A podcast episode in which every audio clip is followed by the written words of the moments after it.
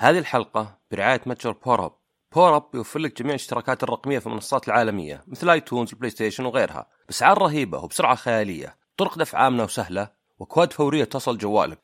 زر متجرنا وانعش حسابك. استخدم كود الخصم شطحات SH 67 A T لكل اشتراكاتك. تجدون رابط الاشتراك وكود الخصم في وصف الحلقة. السلام عليكم ورحمة الله وبركاته. حياكم الله. بودكاست شطحات معكم صالح الشهوان. ومعي سعيد الشامسي. أهلا وسهلا. من زمان أبغاك تسجل معي شطحات. طبعا سعيد صديق عزيز ويعني بودكاستي الثاني آه قد سجل معي وقد سجلت معه. بس آه شطحات أول مرة. صحيح. ويعني من زمان إحنا نتكلم فيها فأشوى أخيرا صارت. الحمد لله. في حلقة مو طبعا عشان طريقة تسجيل. ما أدري إذا نزلتها ولا لا. للحين يعني إذا سمعتوا الحلقة هذه. آه لكن ذيك الحلقة كنت أتكلم عن التكيف مع المتغيرات، المتغيرات اللي يعني غالبا مفروضة عليك يعني أشياء زي مثلا الزواج ولا مثلا آه بالعمل ولا حتى لا سمح الله الواحد مثلا تجيه إصابة تمنعه من مزاولة يعني رياضة ولا حتى المشي ولا آه حتى التقدم بالعمر يعني إذا صار واحد آه خلاص ما عاد أقدر العب مثلا كورة زي ما كنت قبل وكيف الواحد يتكيف معها؟ الحلقة هذه لا هي الجانب الآخر اللي هي مع السنوات مع مرور العمر مع تغير التجارب التغييرات اللي أنت تسويها في حياتك.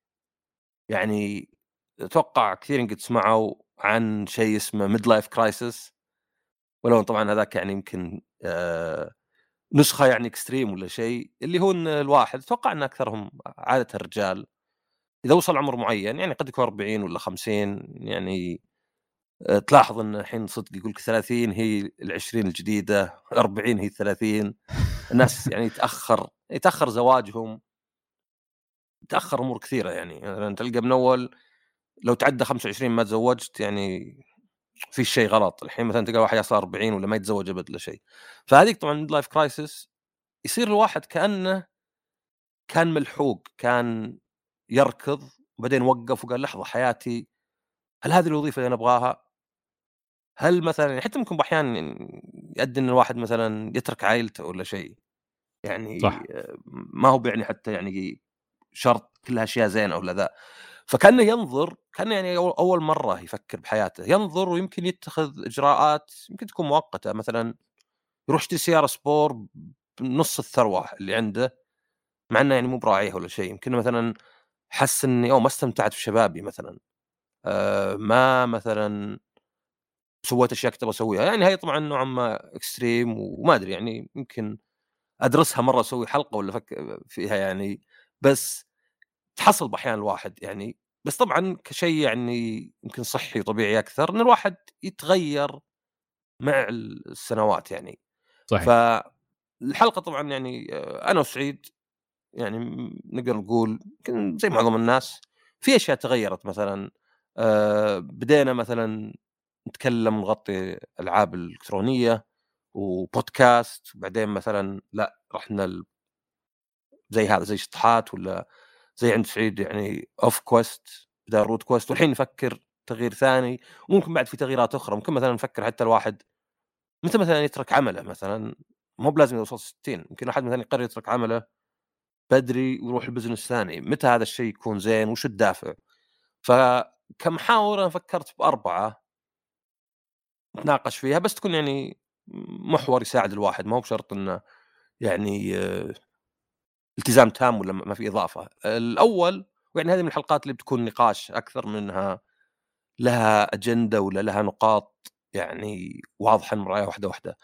آه، الأولى إن الفرص عموما تصير حياة لأن إحنا طبعا نتكلم عن أشياء يعني لها دخل بالفرص يعني مو مثلا إنك تغير بيتك مع إن حتى هذا ممكن واحد يقول مثلا أنا أعرف يعني على الأقل شخص آه، قرر إنه يبيع البيت اللي هو فيه ويستاجر أو يشتري شقة.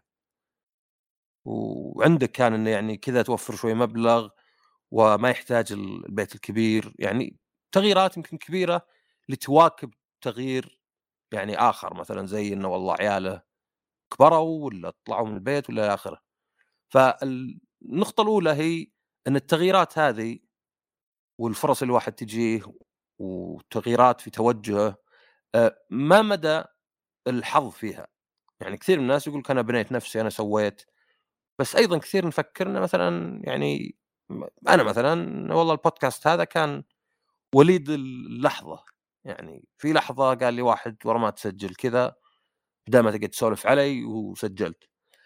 المحور الثاني هو إنه طيب يعني الدافع ولا الفتيل ولا الشعله كان آه، صدفة إني قابلت واحد وتكلمنا في الموضوع ولا قررت أسوي شيء ولا حتى ما أدري يمكن مثلا عرضت علي شركة شيء ولا كذا وهذا اللي كان.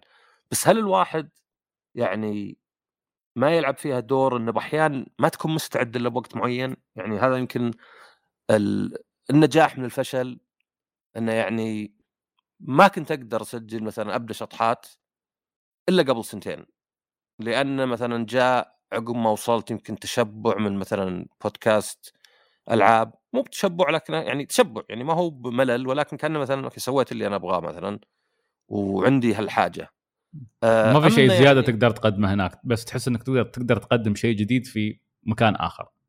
إيه وإنه يعني لو بديتها قبل كان يمكن ما عندك الدافع هذا. صح. الثالث هو هل يعني زي مثلا آه ريادة الأعمال حتى لو كان المصطلح شوي بدا يصير كنا سبة ولا شيء إذا قلت رائد أعمال يعني لكن حتى برا يعني أتذكر على ريدت يقول لك اللي يحط انتربرنور كذا يعني هذه كذا ريد فلاج يعني مهرج ولا بياع لا لأنها جت سمعة إن كل واحد يعني فهل هذه تنفع للجميع؟ لأن الشخص اللي مو مقتنع في شيء ولا يمكن ما ينفع له الشيء من الخطأ إنه يضغط عليه بالذات بس حتى إنه يضغط على نفسه يعني. يعني زي ريادة الأعمال لشيء أكبر شيء فيها إنك عندك جلد وتحمل مخاطر. إذا أنت بتبدأ مشروع لا لا لا خلاص خسرت وطلعت. يعني في أشياء مثلا ممكن الصناديق الأسهم حتى مو بالاسهم صناديق الأسهم اللي يعني تحط فلوسك وشبه يعني مضمون مو مضمون طبعا بس يعني إلى حد ما مثلا. ممكن تكون هذه تنفع لأي واحد لأنها مجرد قاعد تحرك فلوسك بس مثلا الأسهم آه، معروف إنها إذا ما تنفع بتقعد تدعي على اللي ينصحك فيها يعني. صح. حطيت فلوسي بالأسهم. ف هل مثلا هي تحتاج شخص معين وتقبل معين ولا إنه مثلا لا يفترض الواحد يعني يغير حياته باستمرار يعني. اللي هو يجيبني على قولتهم للنقطة الرابعة اللي هي الاستقرار مقابل تجديد. يعني كلهم مزايا وكلهم عيوب. فبشوف يعني رأيك تناقش فيه. يعني أنا أنا واحد من أخوياي ذاك اليوم قال لي قال لي يا أخي أنت محظوظ أو يعني حظك زين يعني عموما. قلت ليه؟ قال من من تخرجت نفس مكان العمل وبيتكم منين وانت صغير وهو نفسه وحتى سيارتك لك سنين ما غيرتها.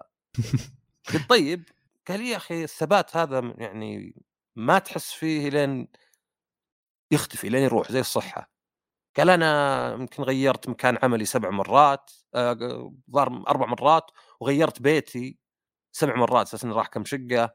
وحتى السيارة يعني من كان عنده جيب إلى سيارة صغيرة إلى جيب من جديد. يعني متزوج وعنده سواق فزي اللي فيه أكثر من سيارة في البيت. فقلت صدق ما قد فكرت فيها ما قد فكرت انه يعني على الأقل شيء زي الدوام ما أبغى التجديد فيه عرفت؟ التغيير والتجديد مشكلة إي كل يوم. حتى يا رجال الطريق الطريق يعني فتحوا طريق قبل عدة سنين وأحسن بواجد. وخلاص تعرف اللي إذا رحت له؟ أصلا بأحيان إذا طلعت ورحت اخذت نفس الطريق شوي واكمل الدوام حتى لو إنه في العيد يعني لأنك مبرمج عليه خلاص. إيه. فاول شيء سعيد يعني علمنا كلمنا عنك وبالضبط وش وش مريت فيه ويعني وش اللي خلاك أصلا تبي تسجل حلقة يعني. أوكي. ال... أنا بالنسبة لتقسيمتك عصام أنت تكلمت عن حلقة تكلمت فيها عن المتغيرات الخارجية كيف تتعامل معها اللي تكون خارجه عن إرادتك. بس الحين حلقتنا هذه بنتكلم عن نحن كيف نصنع التغيير أنفسنا كيف نحن يصدر منا. وعشان نفهم المحاور كلها اللي بنتكلم عنها اليوم لازم نفهم نقطة قبل وهي إن نحن ما قاعدين نتكلم عن شيء صحيح 100% أو شيء خاطئ 100% الموضوع مش موضوع أبيض وأسود الموضوع يعني خلينا نقول نحن بنوقف في منطقة رمادية لأن الحياة معقدة تركيبتها معقدة ظروفها معقدة في أشياء فيها تفسيرها يصعب وفي أشياء فيها تفسيرها يسهل. وبعض التفاسير تكون صحيحة وبعض التفاسير تكون خاطئة. أحيانا بتشوف سيناريو تعتقد انه كله كان قاعد يبني بشكل منطقي في حين أنه هو تشكل بالصدفة. وإذا جيت تشوفه تتابعه بتقول لا مستحيل. أكيد الشخص كان قاعد يبني بذكاء إلى تلك النقطة لكن في الحقيقة هي كلها مجرد صدفة. و ترى نقطة أنا تتفق معها مرة وبعض الناس يقول لي يعني وش كله حظ مثلا؟ كأني قللت من عمله. أنا أقول له لا. لو أقول إنك أنت ما لعب التوفيق ولا الحظ دور فأنا قاعد أظلم الناس اللي تعبوا نفس تعبك وحاولوا نفس محاولتك بس ما وفقهم الله. صح. فبالعكس أنا ماني قاعد أقلل من شغلك. أنا قاعد أضمن إنه ما هو بأي واحد لأن كذا كأنك قاعد تقول طبعا مو بقصدك انت اقصده هو. إيه. كنا كنا قاعد يقول أي واحد ما ينجح عيبه هو غلطته هو 100% عرفت؟ صحيح. ما في ظروف خارجية ما في أي شيء. أنت ما نجحت إذا أنت إنسان مقصر وسيء. صحيح. فهذه المشكلة أحيانا قصص النجاح لما تحكى لنا دائما تعطينا تصور أن الأشخاص هذول كانوا عارفين هم وين رايحين. كانوا قاعدين يستشرفون المستقبل. كانوا قاعدين يصنعون التاريخ بإرادتهم. لكن في الحقيقة كثير منهم ما كانوا يعرفون شو قاعدين يسوون. بس كان عندهم رغبة ان يقدمون شيء للعالم أو رغبة يقدمون شيء لأنفسهم حتى أو لمحيطهم. وهذا الشيء يكبر وفي عوامل ثانية تكبره وتضيف عليه إلى أن يصل للشيء اللي صار عليه آه لاحقا. يعني تعرف أحيانا كثير ناس يقول لك الشيء اللي يربط بين كل العباقرة أو كل المشهورين أو كل أصحاب الشركات إنهم ما يتعلمون ما يتعلمون في الجامعة. ف... ف... أو مثلا يقول لك كل الأغنياء أتوا من أماكن فقيرة. لكن يوم تروح تتابع تاريخ الكثير منهم ما تلقى هالشيء صحيح. يعني مثلا بيل جيتس ما أتى من من عائلة فقيرة. آه ايلون ماسك أعتقد كذلك ما أتى من عائلة فقيرة. ف. الحياة أعقد والشيء اللي تع... الأمثلة الشائعة في ال mainstream اللي معروضة عندنا لا تمثل الواقع. خاصة اللي ف... يقول لك بنيت نفسي من الصفر بس طلع ابوه مسلفه مليون. بالضبط. ويا كثرهم على تويتر. ف أنا بالنسبة لي الشيء اللي أنا شخصيا تعرضت له أن 20 20 إلى منتصف 21 كانت أشياء تغيرات خارجه عن إرادتي وهذه أشياء تكلمتوا عنها أنتم اوريدي غطيتوها في حلقة سابقة. بس أقدر أقول لك ان من منتصف 21 إلى الآن كانت عبارة عن تغيرات أنا قاعد أحدثها بنفسي. ليش؟ لأني في عشر في في النصف الأول من 2020 إلى 21 تعلمت كيف أتعامل مع هذه الأشياء. وما أقول لما أقول لك تعلمت تعلمت كيف أتعامل مع تلك العوامل اللي صارت في تلك السنة أو في تلك الفترة هذا لا يعني أني أنا صرت جاهز ومرن لكل شيء راح يصير في حياتي لا زلت أتأثر لأن التغيير راح يستمر يصدمك بس لما تستوعبه بعد تجارب عديدة راح تبدأ تعرف كيف تتعامل معه. أه يعني خلني أقول لك خلني أقول لك ظرف معين يعني سالفة هو هل النقاط لازم نناقشها بالترتيب ولا عادي خلاص لا لا نتحاور لا حولها. لا لا لا يعني هي عشان بس اللي يسمعون يعني ياخذون فكرة شوي وين وعشان بعد لنا إحنا لأن ترى على قولتهم تهج معي أنا. عرفت؟ إيه. يعني إذا سجلت مثلا مع سجلت من زمان مع أخوي وكان الموضوع له نقاط بس شطحنا inception جوا الشطحة عرفت؟ طيب اخر شيء كان okay سهل نرجع لأني مسجلها بس يمكن المستمعين شوي بعضهم يستمتعون يمكن بس بعضهم يضيعون. أوكي. أنا بعرض عدة أمثلة. وغالبا هذه الأمثلة اللي بعرضها راح تساعدنا في إن نحن ندور حول النقاط الأربعة أو المحاور الأربعة اللي ذكرناها. في مثال شخصي أنا مريت فيه وهو مثال يمكن بسيط وسخيف لكن لما أشرح لك كيف تصير مثل هالأمثلة بتضحك أو بتستوعب أنا وعصام عن شو قاعدين نتكلم. أنا مثلا شخص كنت دائما أؤمن أو أحلم إن زواجي يكون في البيت. هذا كان هذا كان حلمي البسيط، أنا أريد زواج في البيت. بسيط في أهلي في ربعي في الناس اللي اعرفهم نستمتع مع بعض وتكون ليلة ولا أروع. ما أريد الزواج التقليدي ما أريد المكان اللي يزدحم بالناس ما أبحث عن هذا الشيء ابدا. ما أريده. ما أريد أتعب وأنا أسلم على ناس ما أعرفهم. أيوه من عاداتنا وتقاليدنا موضوع آخر. بس أنا شخصيا هذه رغبتي في تلك الليلة اللي تخصني أنا وهي شيء جدا خاص. اللي صار انه قبل عرسي في 2020 قبل عرسي بيومين دقوا علي الفندق وقالوا لي إن نحن آسفين بس بنكنسل العرس. بسبب كوفيد. خلاص كورونا قاعدة تضرب بالعالم وفي عندنا توجيهات إن نحن لازم نبطل نسوي أعراس. الوضع راح يختلف. إلى متى؟ الله أعلم. لأن خلاص أنا طبعا للأسف هذا الحلم ما تحقق لي وقتها إلى تلك اللحظة. ما كنت قادر أسوي هالشيء لأن أهلي وضغط المجتمع وضغط أهل زوجتي الكل يباع عرس تقليدي طبيعي يعزمون فيه كل أصحابهم. كان عندي جاب يومين. أنا من دون تفكير كنت أريد أمشي الموضوع فتناقشت فزوج آه، عفوا أبو زوجتي قال لي شو رأيك تسوي العرس في البيت عندنا؟ وتخلص الموضوع لأنك ما راح تضمن متى راح تفتح الدنيا مرة ثانية إذا كانت راح تتقفل الحين. وفعلا نقلنا العرس إلى البيت وصار مثل ما أنا كنت أريده وأنا قاعد بعد العرس آه، خالاتي قاعدات يضحكن ويكلمني يقولن والله يا سعيد سويتها. قلت لهم شو قصدكم شو؟ أني سويتها. قالوا لي أنت كنت دائما تقول لنا من سنوات إنه ودك تسوي العرس في البيت. وصار سويت عرس في البيت. من وجهة نظرهم لأن يسمعوني أقول هالكلام يعتقدون إن أنا كان لي دخل في إني أنا سويت العرس في البيت. لكن في الحقيقة في ظرف خارج عن إرادتي صار مثل كورونا وفي تأثير قوي ساعدني وساندني مثل أبو زوجتي. في إن هذا الشيء يصير. وأنا ما كنت أصلا مفتكر في النقطة هذه كثر ما كنت مفتكر إني أمشي موضوع العرس. فلك أن تتخيل كيف إن حلمي أنا تحقق بظرف خارج عن إرادتي تماما ومن دون تدبير مني أنا. ف هذا مثال على على قصة أنا أنا عشتها في الفترة هاي. آه كانت كان فيها حظ يمكن كان فيها توفيق يمكن كان فيها خيرة. بس في في كل الأحوال أنا ما كان لي أي دور فيها ابدا. لكن الناس يشوفون أو خالاتي على الأقل اللي هم الجمهور في الحالة هذه كانوا يعتقدون أن أنا اللي سويت الشيء هذا. وهكذا تبنى بعض القصص عندنا. هنا يحدث الجدل هل هذا كان مخطط له أو لم يكن مخطط له. هنا نتكلم عن من اللي روالنا الحكاية أصلا. هل الحكاية هاي تروى من طرف خالات سعيد اللي هم الجمهور وينشرون القصة؟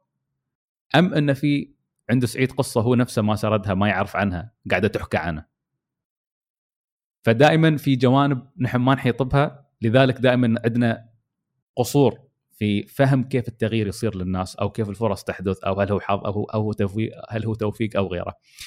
من طرف ثاني عندنا شخص ناجح جدا جدا جدا جدا مثل طارق العربي طرقان وأنا سجلت معه حلقة.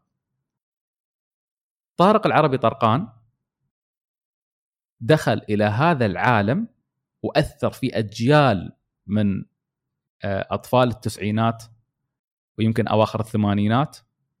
إلى هذا اليوم وين ما يروح طارق العربي طرقان كل حد يبي يروح يسمع صوته. لكن هذا الإنسان عمره عمره ما كان ما خطر على باله بالرغم من إنه مغني جيد وكاتب أغاني ممتاز وملحن رائع ما كان ابدا خطر على باله أنه يوم من الأيام هو راح يتوجه لمجال الطفل وراح يغني وراح يبني كل هذا الشيء أو كل هذه الذكريات. ما كان يعرف. كل ما كان كل ما في الأمر أن الرجل كان واقف في مكان مر عليه واحد يعرفه أهلا طارق كيف الحال؟ آه نحن عندنا آه شخص المفترض أنه في الاستوديو يعزف أو يغني أو يلحن لكن آه سحب علينا مش موجود. كم مرة نتواعد معاه ما حضر. وصار لازم نسجل. وأنا أعرف عنك إنك أنت تحب تغني وتحب تكتب وتحب تلحن. ودك تروح معنا الأستوديو؟ طارق قال okay خلاص خلينا نروح الأستوديو. راح طارق و في تلك اللحظة بسبب أن في واحد سحب في شخص متمكن يمكن أكثر منه واكفى أكثر منه كان واقف في حالة في سبيل حالة شخص طلع له من العدم قال له تعال أريدك تغطي لنا بس هل تغطي لنا مكان هالشخص في هالمرة في هال هل يعتبرها بالنسبة له كانت side hustle شيء على الجانب. راح طارق العربي طرقان وإذا بطارق العربي طرقان يصنع يعني لتمكنه ومهارته وضع في المكان الصحيح وانطلق. وهو هني قال لي كلمة في البودكاست في الحلقة لما سجلتها معه قال لي لا يوجد شيء اسمه صدفة. هاي وجهة وجهة نظر طارق. لا يوجد شيء اسمه صدفة. كل ما تعتقد إنه صدفة هي توافيق من الله سبحانه وتعالى خطوات قاعدة تؤدي إلى أنها توصلك إلى شيء كبير مستقبلا. وهذا اللي صار على طارق العربي طرقان بعد كل هالسنوات. ف ذكرت أنت كم كم واحد من المحاور مرة واحدة؟ أنا أعتقد المحاور الاربعه كلها مذكورة في القصتين هذيلا إيه. فأنت شو تعليقك عصام إذا بنستخدم هالمثالين كقصص على تغييرات نحن شاهدناها؟ إي طبعا أنا أنا آه، أفهم وأدري لأني قد سجلت حتى حلقة مع واحد عن الحظ فانا سميت الحظ مو بالتوفيق لأن يعني أبغى أشمل بعد عدم التوفيق عرفت؟ مهم. يعني إذا الواحد حاول وما قدر يعني ما ما قدر يتوفق ف كان دائما الاعتراض إني كأني قاعد أقلل من شغل الواحد هذا واحد يعني يعني إيش قصدك أنت؟ فأنا أقول لكم يعني أقول للناس أنا نفسي أعتبر كل شيء يعني توفيق صدفة حظ بالنسبة لي. ما هو بصدفة ولكن أقصد ما هو بشيء بيدي. ليه؟ لأنه يعني زي ما يقول يقول أنا أنا ما أخترت جيناتي ما اخترت أهلي ما اخترت البيئة والوقت اللي انولدت فيه. دائما أعطي مثال أقول لك كريستيانو رونالدو لو مولود قبل 100 سنة كان تلقاه يمكن يعني يسوي حركات بهلوانية في الشارع ويعطونه قروش. صح. عرفت؟ يعني ما هو بيده هو إن لاعب الكرة ممكن ياخذ 100 مليون بالسنة ولا شيء. مو بهو اللي. سواها. وحتى لو قلت مثلا إي بس هو أكثر واحد يكرف أه بالعكس أتوقع في لاعبين يكرفون أكثر منه لأنهم عندهم ما يثبتونه. ما وصلوا مستواه. صحيح. وأكيد في رياضات ثانية يعني مثلا ما أدري رياضة الأرم رسل هذه اللي صحيح. يعني آه، يمكنها يعني في واحد يلعبها من يوم عمره سنتين إلى الآن بس مستحيل ياخذ أكثر يعني ياخذ مبلغ إنه ما فيها عليها طلب يعني.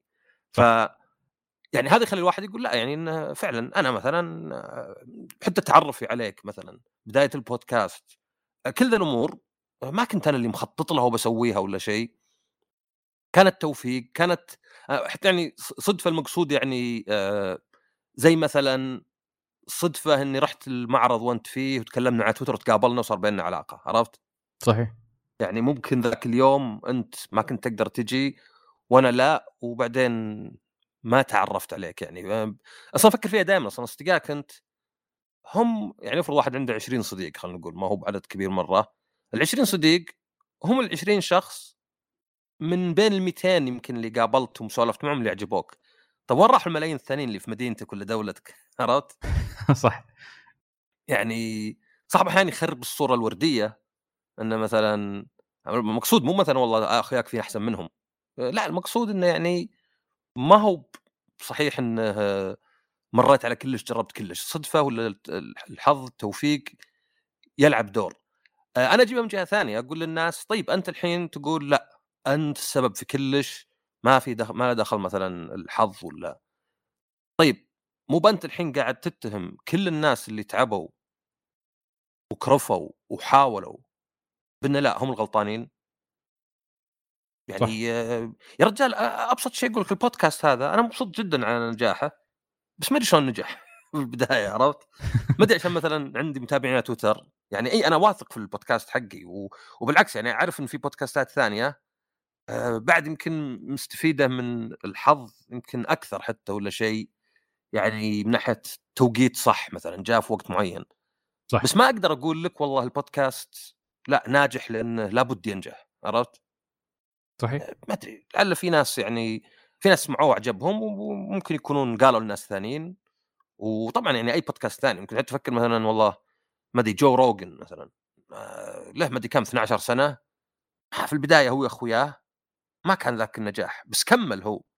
فالمقصود ما هو بأنه يلغي شغلك وتعبك وإنما هو شيء زيادة يعني عرفت؟ كأنك تقول مثلا أنتم أفضل عشرة في الفصل ولا شيء ولا في البع... في الدفعة اللي تخرجت.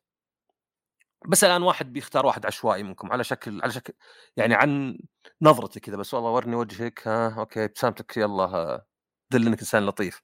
فالفكرة انه إيه يعني أنت أكيد شغلك واللي عندك له دخل بس يعني بالأخير في عامل الحظ. طبعا في ناس بعد يعترضون يقول ما نقدر نقيسه.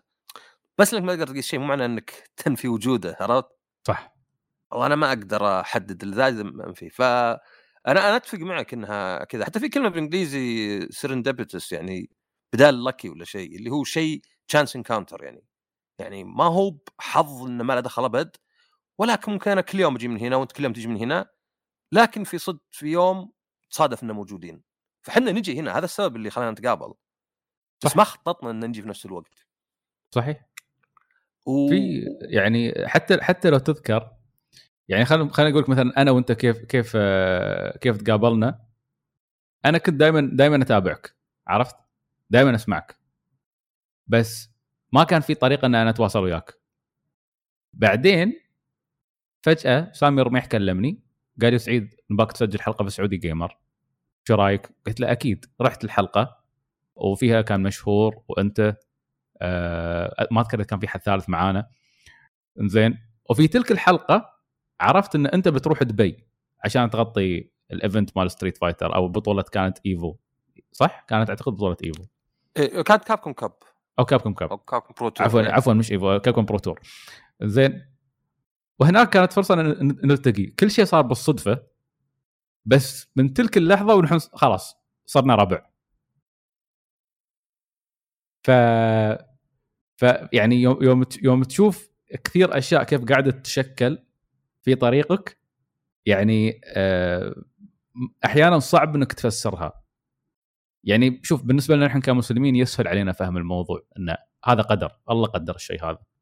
فأنت شيء تسلم به عرفت؟ إذا ما بتقول حظ بتقو- بتقول إنه مقدر لك. فيسهل عليك إنك أنت تستوعبه خلاص هذا مقدر إنه يصير بالطريقة هذه. وفي شيء ثاني اللي أنا أؤمن فيه. أنا أعتقد وقتها مثلا لما أنا طلعت في سعودي جيمر وتعرفت عليك أنت عصام وحصلت الفرصة هذه وشوف كم مر من السنين ما شاء الله يمكن من 2016 إلى الآن.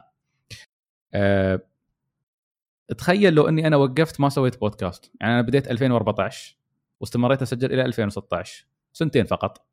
وكان عدد متابعيني قليل جدا في أوف كويست بس كنت مستمر. فقط لاستمراريتي في إني أنا أصنع البودكاست بطريقة ما شخص مثل سامي انتبه علي بعدين جابني البودكاست بعدين التقيت فيك أنت بعدين صرنا نحن الربع. لو أنا كنت وقفت في مرحلة معينة مثلا في 2015 هذا الشيء ما كان راح يصير. فأنا أعتقد انه بغض النظر عن العوامل الخارجية العنصر الأهم عشان تحدث تغيير في محيطك أو تحدث تغيير لنفسك انك انت تستمر تسوي شيء. ما يهم الشيء هذا شو يكون. انت قلت الكلمة الس- السريه السحرية عندي ترى. شو؟ الالتزام والاستمرارية هذا عندي أنا يعني حتى لو فرضنا مثلا بودكاست شطحات طاحت استماعات ولا ما زادت حتى. طيب. آه، بكمل فترة طويلة قدام يعني لأني مؤمن إن إذا فيش تغيير بيصير بيصير ياخذ وقت يعني عرفت؟ يعني زي مثلا مثال جو روجن ولا حتى أمثلة كثيرة زيه. صحيح. الناس أحيانا يكتشفونك بشكل متأخر. صحيح. يعني أنا أشوف بعض الحلقات القديمة عندي يعني قديمة طبعا سنتين لأن البودكاست ما له سنتين وشوي. أحيانا تنقز بالاستماعات أشوفها كذا في الشارتس ليه؟ صح. لأن في ناس توهم يسمعون بودكاست كنت توهم يبدون وبغوا يرجعون. طبعا أنا أعتذر لهم انه أول 20 حلقة الصوت كان شين جوده الصوت. فهذه إذا ما صبرت أنت يعني وش يدريك أصلا؟ أنا يعني أصبر حتى عشان أثبت لنفسي. عرفت. يعني في الحلقة هذه حقت التكيف كان أحد النقاط إنك لازم تعطي الموضوع وقت ولازم تكون قلبا وقالبا. في ناس يعطونه وقت بس بدون نفس عرفت؟ صح. كأنك أنت تقول لي بالله تابع المسلسل هذا وعطنا رأيك. شغله ناظر جوالي واقول لك والله بايخ. أكيد بايخ لأني أنا ما حطيت يعني حيلي فيه. صحيح. فأنت سوي الشيء مثلا بديت مشروع بديت تسوي بودكاست سوه حط حيلك فيه. ما يهم إن أحد يسمع لك ولا لا مدامك أنت عندك هدف وعلى الأقل مبسوط تسوي حتى في يعني أحد البودكاستات كلمني قال لي لنا خمس سنين واستماعاتنا واطية. وش رأيك بس نوقف؟ قلت هل أنتم تستمتعون؟ قال لي يعني نجتمع ونسولف طيب كمل ما تدري أنت متى يجيك الشيء ذا. صحيح. تعرف ذكرتني ب... يمكن مالكم جلادويل من أكثر الأشخاص اللي عنده يمكن كتابين في النق... في, النق... في النقاط اللي نتكلم عنها اليوم واحد منهم ما قريته اللي هو اوتلايرز بس اسمع أعتقد كان اسمه اوتلاير صح؟ إيه قريته أنا أنا ما قريته فيمكن أنت تفيدني أكثر عصام ما أدري حتى شو رأيك فيه بس أذكر هو هو عنده فلسفي هو مشكلته انه واجد ما يعتمد على مصادر فما تدري هو رايه عرفت. ولا ماخذها يعني بس أنا أنا بالضبط. يعجبني إنه يطرح أفكار عرفت؟ إيه. بس إني دائما أحاول أخذ أفكاره انها أوكي هذا رأي شخص وليست معلومات مدروسة 100% صحيح. أنا بالنسبة لي ما قريت الكتاب هذا أه بس النقطة بس الكتاب اللي قريته كان اسمه The Tipping Point و- إيه هذا و- معروف. بالضبط. وهذا اللي أنت تتكلم عنه عصام الحين إن أنت تستمر إلى أن تحدث ال tipping point ممكن تستمر سنوات وما راح توصل المكان الله أعلم. وممكن تستمر سنوات وتبذل جهدك وتطور نفسك إلى أن تأتي الفرصة المواتية. لما تأتي ها... لما هذه الفرصة تعرض نفسها بتكون أنت جاهز. بس عمرها الفرصة إذا طلعت قدامك وأنت ما بقاعد تتحرك ما راح تستغلها.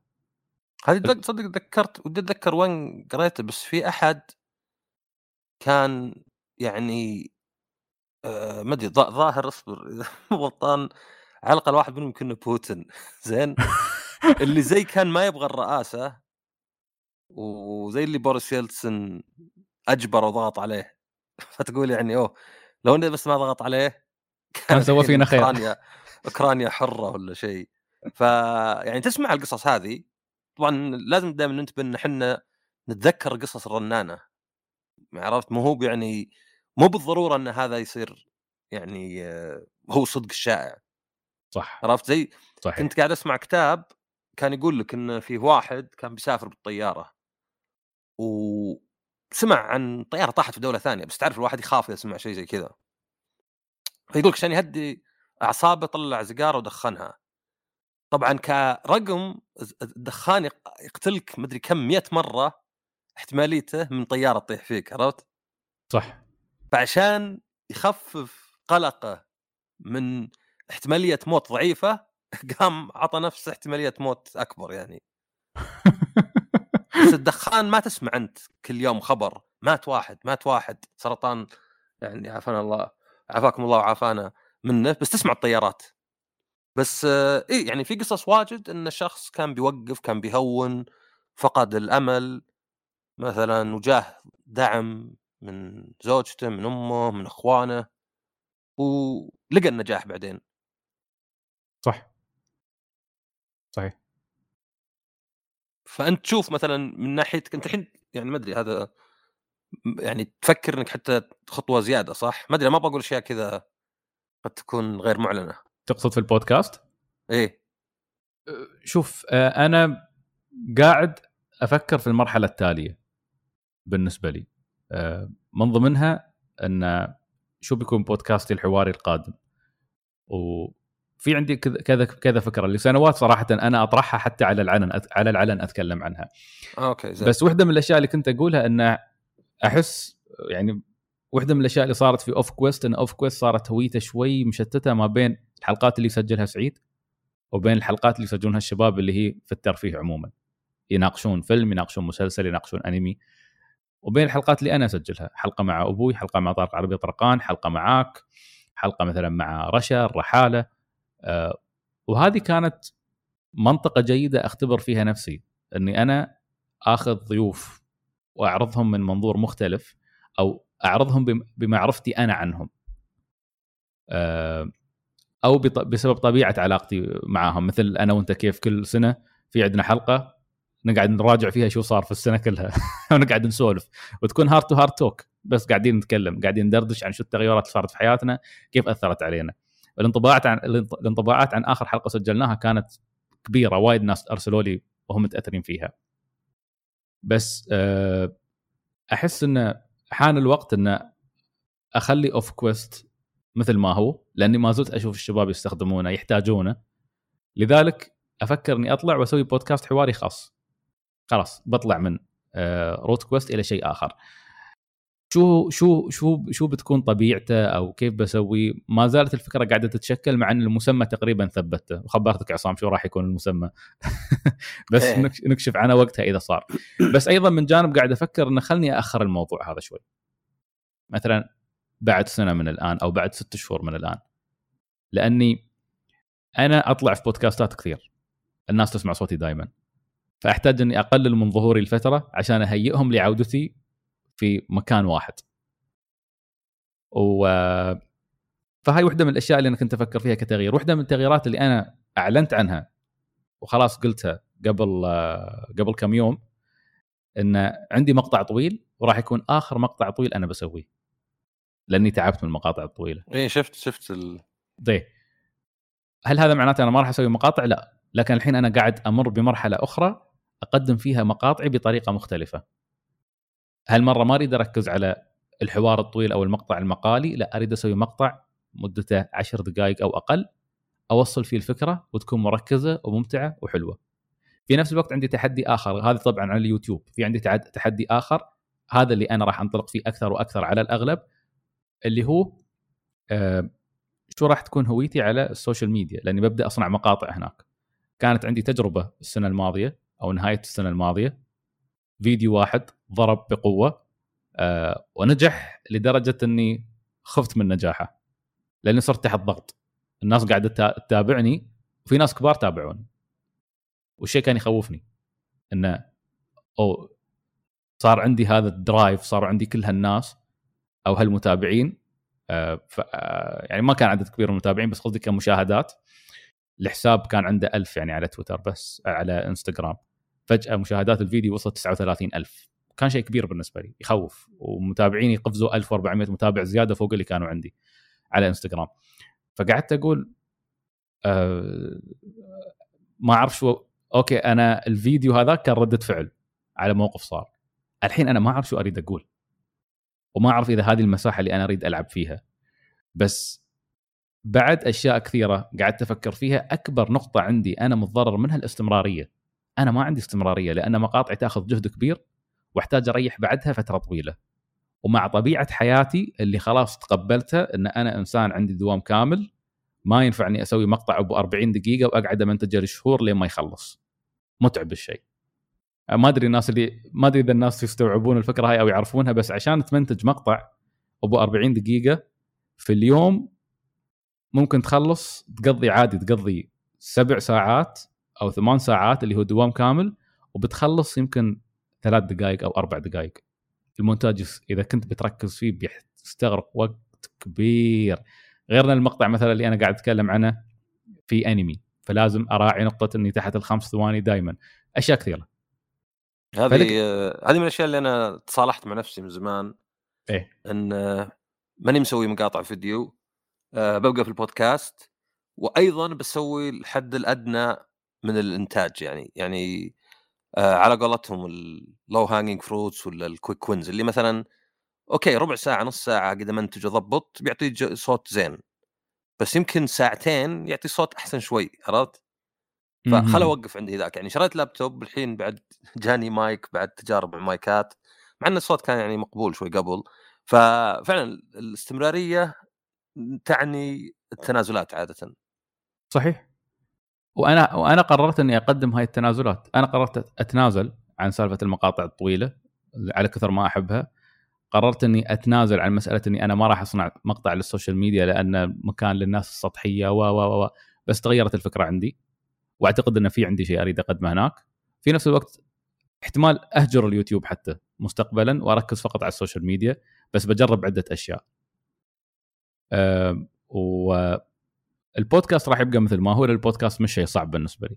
لكن مشكلتي الكبرى إني أنا ما أقدر أتخلى عن المحتوى المرئي. في نفس الوقت قاعد أشوف قاعد أشوف أشياء ثانية أنا أقدر أقدمها.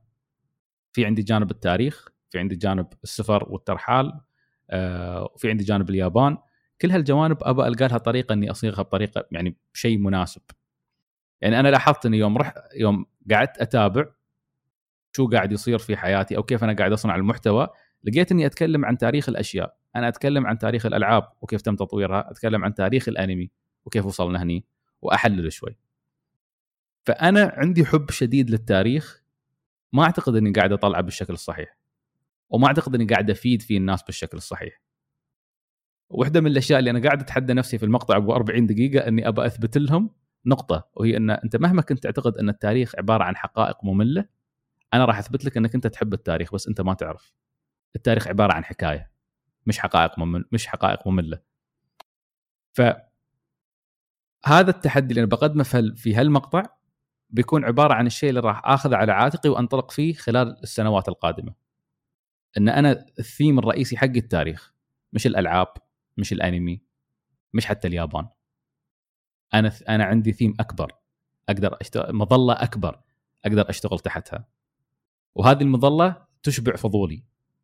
كشخص عندها عنده هذا الفضول وحب الاطلاع ودائما يحاول يسأل الناس كيف يسوون الأشياء حتى لو هو ما عنده فائده مباشرة بس عنده فضول يعرف كيف الطبيب يشتغل كيف المهندس يشتغل كيف آه، أي شخص من أي مهنة يشتغل. دائما إذا لقيت فرصة أقعد مع واحد من من يأتي من مكان غريب بالنسبة لي أقعد أسولف معاه بس أبى أعرف هالشيء. فنفس الشيء يصير معي في تاريخ الأشياء. أريد بس ألف وأشوف شو قاعد يصير. ودائما ألقى قصص أنا ابى أعرضها. لذلك شيئا فشيئا بديت أقتنع إنه أوكي خلاص اتخلى عن الهوية اللي أنت كنت متمسك فيها وطورها إلى شيء آخر. يعني أنت ما راح تتخلى تماما. أنت تبقى أنت في النهاية يعني رحت فوق ولا نزلت تحت. شو ما كانت مبادئك؟ نحن في النهاية عصام صناع محتوى. فنحن كصناع محتوى اللي يهمنا كيف شو شو شو شو الرسالة اللي بنوصلها أو شو المحتوى اللي نبغى نصنعه وليش؟ فأنا معاك في مسألة انه أحيانا بإمكانك تسوي شيء perfect وتركز على الصوت وتعدل و و و. بس في الحقيقة أحيانا المتلقي ما يهمه المستمع ما يهمه هو يبى المحتوى نفسه. ما راح يركز على الشيء ال technical اللي أنت قاعد تركز عليه. ما راح يسأل عن المايكروفون اللي أنت تستخدمه. يعني خليني أعطيك مثال. قبل سنوات كنا نستخدم TeamSpeak وجودة أصواتنا كانت أفضل بمراحل ضوئية. ال TeamSpeak صارت له مشاكل مزعجة بهدلتنا خصوصا في الإمارات عندنا لأنه محجوب. قمنا حولنا على Zoom جودة الصوت في Zoom رديئة مقارنة ب TeamSpeak جيدة لكن رديئة بمقارنة ب TeamSpeak تخيل أن متابعاتنا زادت. والسبب الرئيس الوحيد الوحيد إن نحن كنا مستمرين. فقاعد أقول لنفسي okay أنت في البودكاست قاعد تسوي الشيء هذا. أنت مش قاعد تركز بكثير على أن الصوت لازم يكون بيرفكت واستماعاتك قاعدة تزيد. فحتى في الفيديو سهل على نفسك وصل رسالتك بطريقة أفضل واقبل الواقع. واقعك يفرض عليك أنك أنت إنسان موظف وما تقدر تترك وظيفتك في الوقت الراهن وفي نفس الوقت تبغى تكون صانع محتوى. فخلاص اشتغل في الإطار اللي يسمح المسموح لك تشتغل فيه. طبعا واحيانا المثالي يعني. م? المثالي لو إن يعني في عائد مادي بحيث توظف واحد يسوي ذا الشيء. صح. لأن أسمع زي مثلا يعني جو روجن على اعتبار إنه أكبر بودكاست في العالم يجي بس يجي يجلس ويا الضيف يسولفون يمشي. كل شيء ثاني يسوونه يعني يعني اللي يشتغلون عنده. صح. لا يمنتج ولا يتأكد من المايكات. آه أنا كنت آه يعني سجلت بودكاست مع يعني كان بودكاست business آه سجلنا 29 حلقة فكنت أروح وحتى يعني حتى يمكن مثلا بودكاست ألعاب يعني أشوف المايك يضبطونه وكذا أقول هذا الحالة يخليني لو أنا كان يمكن يقل حماسي إني أسجل عرفت؟ صح. عدل المايك وده من هنا أه، تأكد خلينا نجرب نسجل آه، رجع زي كذا.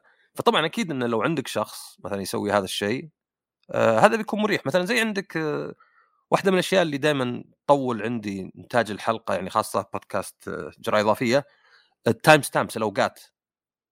صح إني أسجلها بالجوال وحنا نتكلم بس ما تكون دقيقة فأروح أرجع. أقول طيب لو لو وظفت واحد يعني يمر في حلقة كذا يمكن ما يمكن ما ياخذ مبلغ كبير أصلا عرفت؟ صحيح. يعني كلها نص ساعة مثلا ويطلع كل ال timestamps يضبطها. حتى مثلا مو بتكون حتى بس ثلاث فقرات تكون تفاصيل مرة صغيرة. تعرف اللي يجيك شو نوتس كذا تحس ثلاث صفحات معلقة كاملة. صح.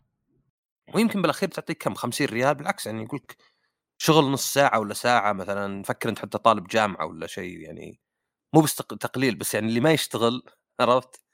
صح. اللي يشتغل بيقول لك لا وش 50 أروح اشتغل اخذ لي خارج دوام. آه فإي اضطرنا نسوي هل يعني تنازلات. آه على فكرة آه ذكرت نقطة إحنا نتكلم طيب. آه أنا أيضا إذا جت فرصة آخذها. يعني مثلا غير يعني البودكاست جرعة إضافية وبعدين بديت هذا هذا بودكاستاتي أنا. بس مثلا مؤخرا صارت لي فرصة يعني بودكاست اسمه The Buzz قال نبغى نسجل معك بودكاست. قلت okay قدام. بس عشان بشوف ما أدري إيش يصير. يعني تعرف اللي مثلا ممكن هذا الوحيد اللي يعني هذا اللي يضرب وينجح عرفت؟ حتى لو إنه مثلا مو باللي بديته. صح. فقلت okay. نفس الشيء يعني في شخص جاء وكان أصلا أقول له خلينا نسجل حلقة مع بعض يعني عندي ولا شيء قال لا خلينا نبدأ بودكاست وكان بودكاست عن ال business وكان يعني كان ما ما أعرف business يعني ماني مدير ولا شيء لكن أقدر أتكلم من منظوري أنا مثلا. وسجلنا 29 حلقة ويعني أعتقد إنه هو انشغل لأني أنا كنت مستعد يعني. ولكن أحس ان غطينا معظم يعني المواضيع. حتى يا رجال في جمعية أنا عضو يعني تعرف جمعية غير ربحية. إي. فزي اللي قالوا وش نسوي مثلا عشان يعني كنوع من ال يعني الادد فالي ولا شيء. جمعية كيف مثلا مو بإعلان ولكن كيف تضع بصمتها ولا تبين شخصيتها فقلت أنا بودكاست هو ما كان المفروض إنه يكون أسبوعي لأنه يعني كان توعوي مثلا لل... للأهل بالذات. وللناس اللي ما يعرفون الألعاب. صح. سجلنا خمس صفح... خمس صفحات سجلنا خمس حلقات. ما كمل نوعا ما يعني مو بإني أطلع نفسي منها بس أنا مستعد عرفت؟ اي أنا مستعد يعني ما عندي مشكلة. بس ولو عندي تجارب يعني زينة وبالعكس أنا عندي أهم شيء إني مرتاح إني ما قلت لأ عرفت؟ طبعا في أشياء مثلا بتقول لأ لأنها ما تنفعك ما تناسبك ما ما أقول كل شيء إيه. بس إذا كنت أنا بالنسبة لي إذا كنت أقول ها ما أدري والله يمكن أصلا إذا لاحظت نفسي اطلع أعذار ما أدري بس إني مشغول عرفت؟ مشغول صدق يعني كل نص ساعة. ما أدري. ينجح ولا لا. طيب جرب وشوف. إذا لاحظت نفسي أجيب ذا الأعذار عرفت؟ اللي يعني واضح إني بس أبغى أقول عذر عشان أقول إيه لا خلاص هونت. فصرت صح. آخذ آخذ الفرص يعني قدر الإمكان. آخذ الفرص يعني حتى رجال أحيانا مثلا تجارب ممكن مثلا والله مثلا تبي تروح مثلا المدينة ذي ولا الدولة ذي جرب شيء يمكن مو بجوي مرة. بس أقول خل أروح أشوف مثلا إيش يصير. صح. فأنا أشوف هذه حتى يعني فرصة يعني أو شيء زين إذا الأحد يبي مثلا التغيير. لأن زي ما قلنا هذا مو بتكيف مع التغيير هذا بحث عن التغيير. صحيح. صحيح. أو شوف أحيانا راح تحس إنك ضايع. يعني أنت عصام أعطيت مثال في البداية عن كيف إن الواحد أحيانا يصيبه ما يسمى بال mid-life crisis صاروا يمسخونها بعدين. قال لك في quarter-life crisis وخرابيط كثيرة. بس إيه. أعتقد إنه طبيعي بالنسبة للإنسان إنه يعيد تعريف نفسه وموقعه في الحياة بعد فترة. أعتقد إنه شيء طبيعي الإنسان قاعد يراجع نفسه. أنا آه وين مكاني؟ شو الشيء اللي قاعد أسويه؟ هل أنا اكتفيت من اللي أنا قاعد- قاعد أقدمه حاليا؟ هل أنا محتاج تغيير؟ لأن أحيانا في ناس يحبون الروتين وما يحبون التغيير. يقول لك الله لا يغير علينا. أنا مبسوط بحياتي مثل ما هي. ما أريد أبدل فيها شيء. لا يغير علينا بالأشياء الزينة. أنا ترى تدري المثل اللي صدق ما أفهمه؟ شو؟ اللي يقولك اللهم زدني بها جهلا أول شيء ما أتوقع الجهل ممكن يزود. عرفت؟ يعني شلون؟ بيجيك فقدان ذاكرة يعني. عرفت؟ يعني يعني أنت مثلا ما تعرف إلا شوي عن ذا الشيء. كيف ينقص المعرفة؟ ما في إلا فقدان ذاكرة صح؟ إيه. ثانيا أو- ما أشوف يعني غير غير مثلا خلينا نقول أنا ما أبغى أكون آه، عارف بأشياء مثلا يعني محزنة ولا شيء عرفت؟ مم. لكن أتكلم عن علم بشيء لا يا أخي لو تقول لي آه يعني ما أدري بعلمك شوي عن الخياطة ربع ساعة. آه، علمني عن الخياطة آه، شيء جديد يمكن يغير طريقة تفكيري حتى لو المعلومة ما تهمني عرفت؟ صحيح فهذا المثل إي أنا أحس إنه لأن أنا سمعت تعرف اللي يقول لك الجنون هو إنك تسوي نفس الشيء أكثر من مرة؟ صح. ما أدري كان في فار كراي 3 حتى. طبعا هذه خرابيط يعني ما لها أي دخل بتعريف الجنون بالعكس أقرب لتعريف المثابرة عرفت؟ صح. بس ليه؟ قال لأنه يقول لك وسيلة دفاع. مم. اذا أنا مثلا حاولت أدخل اختبار مرة مرتين وكلها ما أنجح قلت يا أخي حاول ثالثة. يا رجال تعريف الجنون إنك تسوي نفس الشيء أكثر من مرة. فبعض هذه حتى الله يغير علينا. طبعا إذا كان هو دعاء إنه يعني وضع زين أكيد زي الصحة يعني زي ذا. بس بعض الناس يعني يخليني أحس إنه كان الصدق ماخذها زي اللهم زدني بها جهلا عرفت؟ صح ما. أبغى التغيير وخل أحط مثلا دعاء كذا عشان يعني أعطيها شوي مصداقية أكثر. صحيح صحيح وفي عندك في المقابل الناس اللي تتعب يتعب من الروتين فيبدأ يراجع نفسه يحتاج التغيير فهي تعتمد على طبيعة الشخص أغلب الأوقات أحيانا الشخص اللي اللي حتى الشخص اللي مثلا متعود على الروتين يقعد يشتكي من شيء. يا أخي طيب أنا أريد زيادة في حياتي أريد زيادة في راتب أريد زيادة في غنى أو فلوس أو أريد نوع أريد سيارة ثانية إضافية أريد أريد أريد أريد. بس التغيير هذا مش قاعد يصير عنده. آه، أو هذه المتغيرات مش قاعدة تدخل في حياته لأنه هو مش قاعد يبذل جهد عشان يغيرها. فيمكن امل الوحيد بس في إنه يترقى قاعد يشوف هذا الدرب. بينما الشخص الثاني راح اللي هو زهق من التغيير ويحس يريد يغير ويريد يمكن حتى الأشياء الإضافية هذه يعرف إنه لازم يتحرك لازم يسوي شيء. الماي الراكد هذا لازم يتحرك. فيقوم يطلع يبحث عن وظيفة جديدة أو يبحث عن مكان جديد في الشركة. شيء يجدد حماسه إنه يرجع يشتغل مرة ثانية لأن هذه يرجعنا للنقطة اللي قلناها قبل شوي وهي إن المهم إنك تتحرك لأنك إذا ركدت وسيطر عليك الروتين فخلاص. طبعا نحن ما نقول هذا الشيء سيء أو جيد. اللي يحب الروتين ومستمتع ويشوف أموره طيبة وحياته ماشية بشكل جميل وراضي هذا خياره تماما مش مسألة ما نلوم حد. لكن بالنسبة للأشخاص اللي يتعبون من الروتين يحتاجونهم يتحركون. في ناس ترى يتعبون من الروتين وما يعرفون وين يتحركون ما يعرفون شو لازم يسوون ويقعدون مكانهم. أنا واحد منهم. هذه هذه ترى أنا في نقطة يعني دائما أحس إنها كأنها معضلة فكرية. آه أنت مثلا ممكن أقول لك مثلا سوي شيء ممكن مثلا تكون رح للنادي ممكن مثلا واحد يكون سمين ويبغى ينحف تحس تجي لحظة في حياته اللي طق ويبدأ يسوي ذا الشيء عرفت؟ يعني لي خمس سنين ما نحفت ولا كيلو وفجأة كذا في أربع شهور نزلت 15 كيلو آه مثلا قاعد في وظيفتي طبعا أحيانا يكون فيه يعني مسبب ولا trigger واضح مثلا عرفت؟ صح. يعني مثلا واحد أنا أنا أعرف واحد من الدوام كان يدخن آه مرة طاح في البيت وقام يكح و يعني جت زي النوبة ودوه مستشفى. فالصدق إنه مو بإنه روحة المستشفى اللي خلته يغير. اللي خلاه يغير هو إن النظرة اللي شافها في عياله هم يشوفون أبوهم كأنه بيموت. عرفت؟ فزي اللي جت فيه أفكار إنه يعني تخيل أموت مثلا عيالي توهم صغار ولا شيء. فاحيانا يكون تريجر كبير بس أحيانا تحس إنه يعني لدرجة إنه مرة يعني سويت حلقة قلت ما لك إلا مثلا تقرأ وتذكر نفسك بأهدافك إلين مخك يقرر يخليك تسويها عرفت؟ صح. إلين اللي يسمونه الدرايف الدافع الداخلي اللي فجأة يخليك تفز وخلاص يلا بسوي هذا الشيء اللي كنت لك فترة آه، بشوف آه، إن شاء الله قريب. أنا مثلا واحد كان يقول لي ما تروح النادي قلت له راسي مضروب. عرفت ما في أسوي خليني أروح النادي. اولا في نادي قدام بيتنا مرة يعني في الشتاء أقدر أروح له رجلية. ثانيا مفتوح 24 ساعة. ثالثا اللي يسمونه إكسبريس فصغير ورخيص بدون ما يكون في مسبح وأشياء. يعني كل الظروف مواتية بس ما بروح. أقدر أقنع نفسي يقول لك مشغول هالأيام ها؟ بس لا مخي ذا يحتاج يقتنع إني أروح عرفت؟ صح. وما لي إني أقتنع أقنعه إلا إني أذكر نفسي بالموضوع لأن معظم الناس يحبون ما يذكرون نفسهم فيقول لك مثلا تدري بروح بداية السنة. طيب وش تفرق يعني؟ جسمك ما يدري ترى واحد يناير ما تفرق معه يعني. صحيح. الخلايا ما هي مثلا كل سنة تفر من جديد ولا شيء يعني. فتلقانا مثلا يعني أنا أنا اكتشفت اللي يقول لك سجلت في النادي وأبدأ إن شاء الله من بداية سبتمبر خراط عرفت؟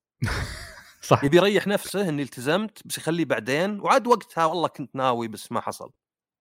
صحيح.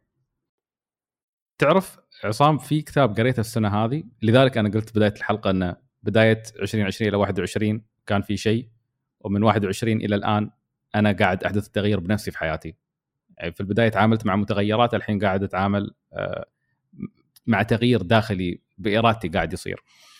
آه، كتاب اسمه The War of Art حرب الفن وليس فن الحرب. يعني أنا بغيت أقول لك آه، هذا شو اسمه سان تسو كان The Art of War اي هذاك كان The Art of War هذا لا هذا بالعكس. آه هذا الكتاب بسيط ولكن إذا استوعبت الكلام اللي قاعد يقوله وكلامه جدا بسيط بسيط بسيط جدا بس سبحان الله أنا كل ما أكبر أستوعب إنه التغيير الحقيقي في الكلمات البسيطة اللي نحن ما نبحث في معناها أو ما نوقف نتأملها لأن نعتقد أن المعنى اللي نبحث عنه موجود في شيء أكبر أو في كلام أكثر أو لازم نحصله بصعوبة. لكن في الحقيقة هي موجودة قدامنا أفكار بسيطة إذا استوعبتها في شيء في كبير بيتغير. هذا الكتاب تساؤله بسيط. يقول لك ليش كل واحد منا يعيش حياتين؟ الحياة اللي هو قاعد يعيشها الحين والحياة اللي قاعد يتصورها لنفسه. لأن كل واحد منا فعليا عنده شيء عنده نسخة أفضل من نفسه يتصورها. شخص مثلا يشوف نفسه معضل أو أو رشيق. شخص يشوف نفسه رسام. شخص يشوف نفسه كاتب. شخص يشوف نفسه مصور صانع محتوى ايا كان. لكن ما وصل لتلك النسخة الأفضل من نفسه. لأنه يوم بحث الكاتب في الموضوع يقول لك نحن عشان نسوي هذا الشيء نحتاج نطلع من منطقة الراحة. وأنا ما أعتقد إن موضوع منطقة الراحة شيء أنت ما, ما ناقشته في بودكاست شطحات من قبل حتما تكلمتوا عنه. فهو يسميها يقول لك هني تستيقظ فينا قوة خفية لكن سلبية. هذه القوى الخفية اسمها هو يسميها ال resistance المقاومة. يقول لك مقاومة داخلية تمنعك تخليك تقول أشياء كلها عبارة عن تسويف. يا أخي اليوم والله أنا تعبان راجع من الدوام تعبان. لا ما ما لي مزاج أرسم ما لي مزاج أكتب ما لي مزاج أسوي أي شيء في الحياة. أنا أحتاج أريح. بكرة إن شاء الله بيكون مزاجي أفضل. بس فعليا أنت ما تعرف بكرة شو راح يكون عندك. يمكن بكرة يكون ألعن في الدوام. فراح ترجع بنفس المزاج. أو مثل ما قلت أنت إنه والله الأسبوع هذا أنا تعبان الأسبوع القادم خلاص بلتزم بقطع الأكل ما أدري كيف ببدل وبسوي بصير أسوي رياضة. لكن في الحقيقة ما نسوي هالشيء نقعد نسوف نسوف نسوف لأن نحن نعتقد إن اليوم نحن ما نملكه. ما عندنا سيطرة عليه. لكن بكرة راح يكون عندنا سيطرة عليه. لأن ما نعرف ان بكرة أصلا بيكون أي يوم آخر مجهول شو راح يصير فيه. لذلك الكاتب كان يقول إن نحن كلنا أصلا يعني عش عشان عشان نوصل للنسخه الأفضل من نفسنا عشان نطور نفسنا نحدث تغيير داخلي من بإرادتنا لازم نستوعب بعض النقاط البسيطة ولكن مهمة جدا حقنا.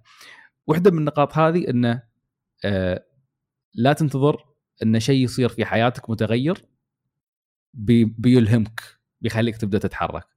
ما راح يصير الشيء هذا. الشيء الثاني أو عفوا خلني أقول بس نقطة أخيرة.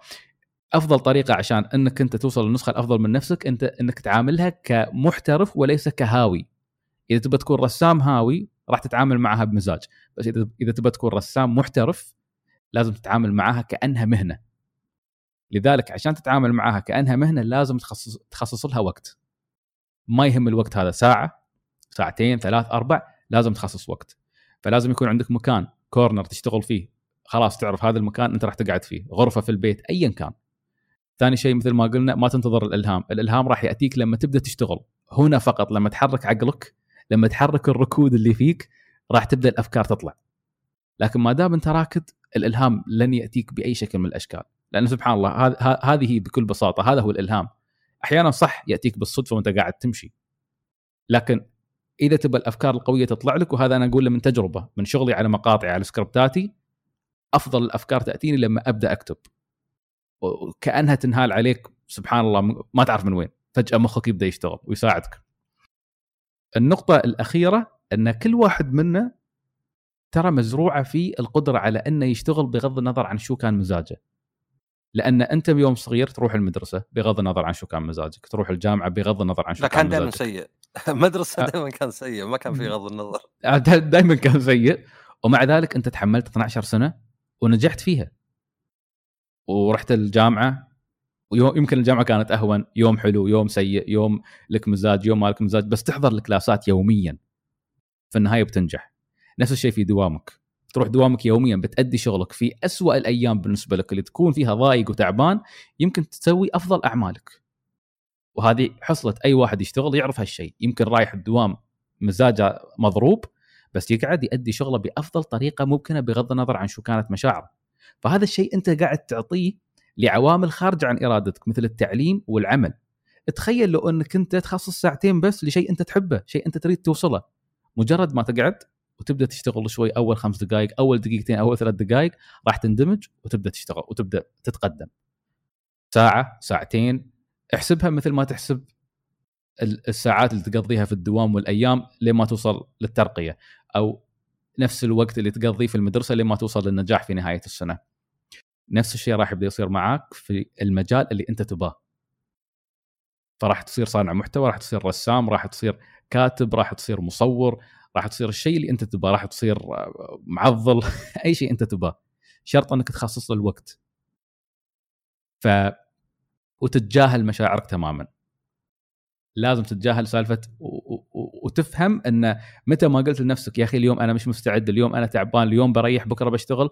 دائما استوعب بكرة مش في إيدك. العوامل اللي راح تصير بكرة مش في إيدك بكرة ممكن يكون أسوأ من اليوم. لذلك لازم تشتغل على نفسك بغض النظر عن شو كانت مشاعرك. فسبحان الله ما كنت مخطط إني أتكلم عن الكتاب بس تذكرته الحين. لا حتى يعني بروح أبحث عنه. أنا صار مؤخرا عندي نهم مو بطبيعي الكتب.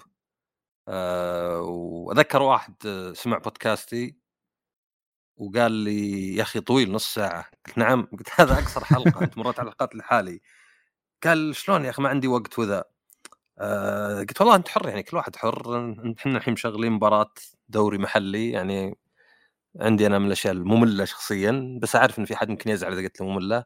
أنا ماني بزعلان إنك ما قلت يعني البودكاست نص ساعة بس صدقني ما تقدر بعشر دقائق بعشر دقائق هذه خط يعني فكرة واحدة أه تعيدها.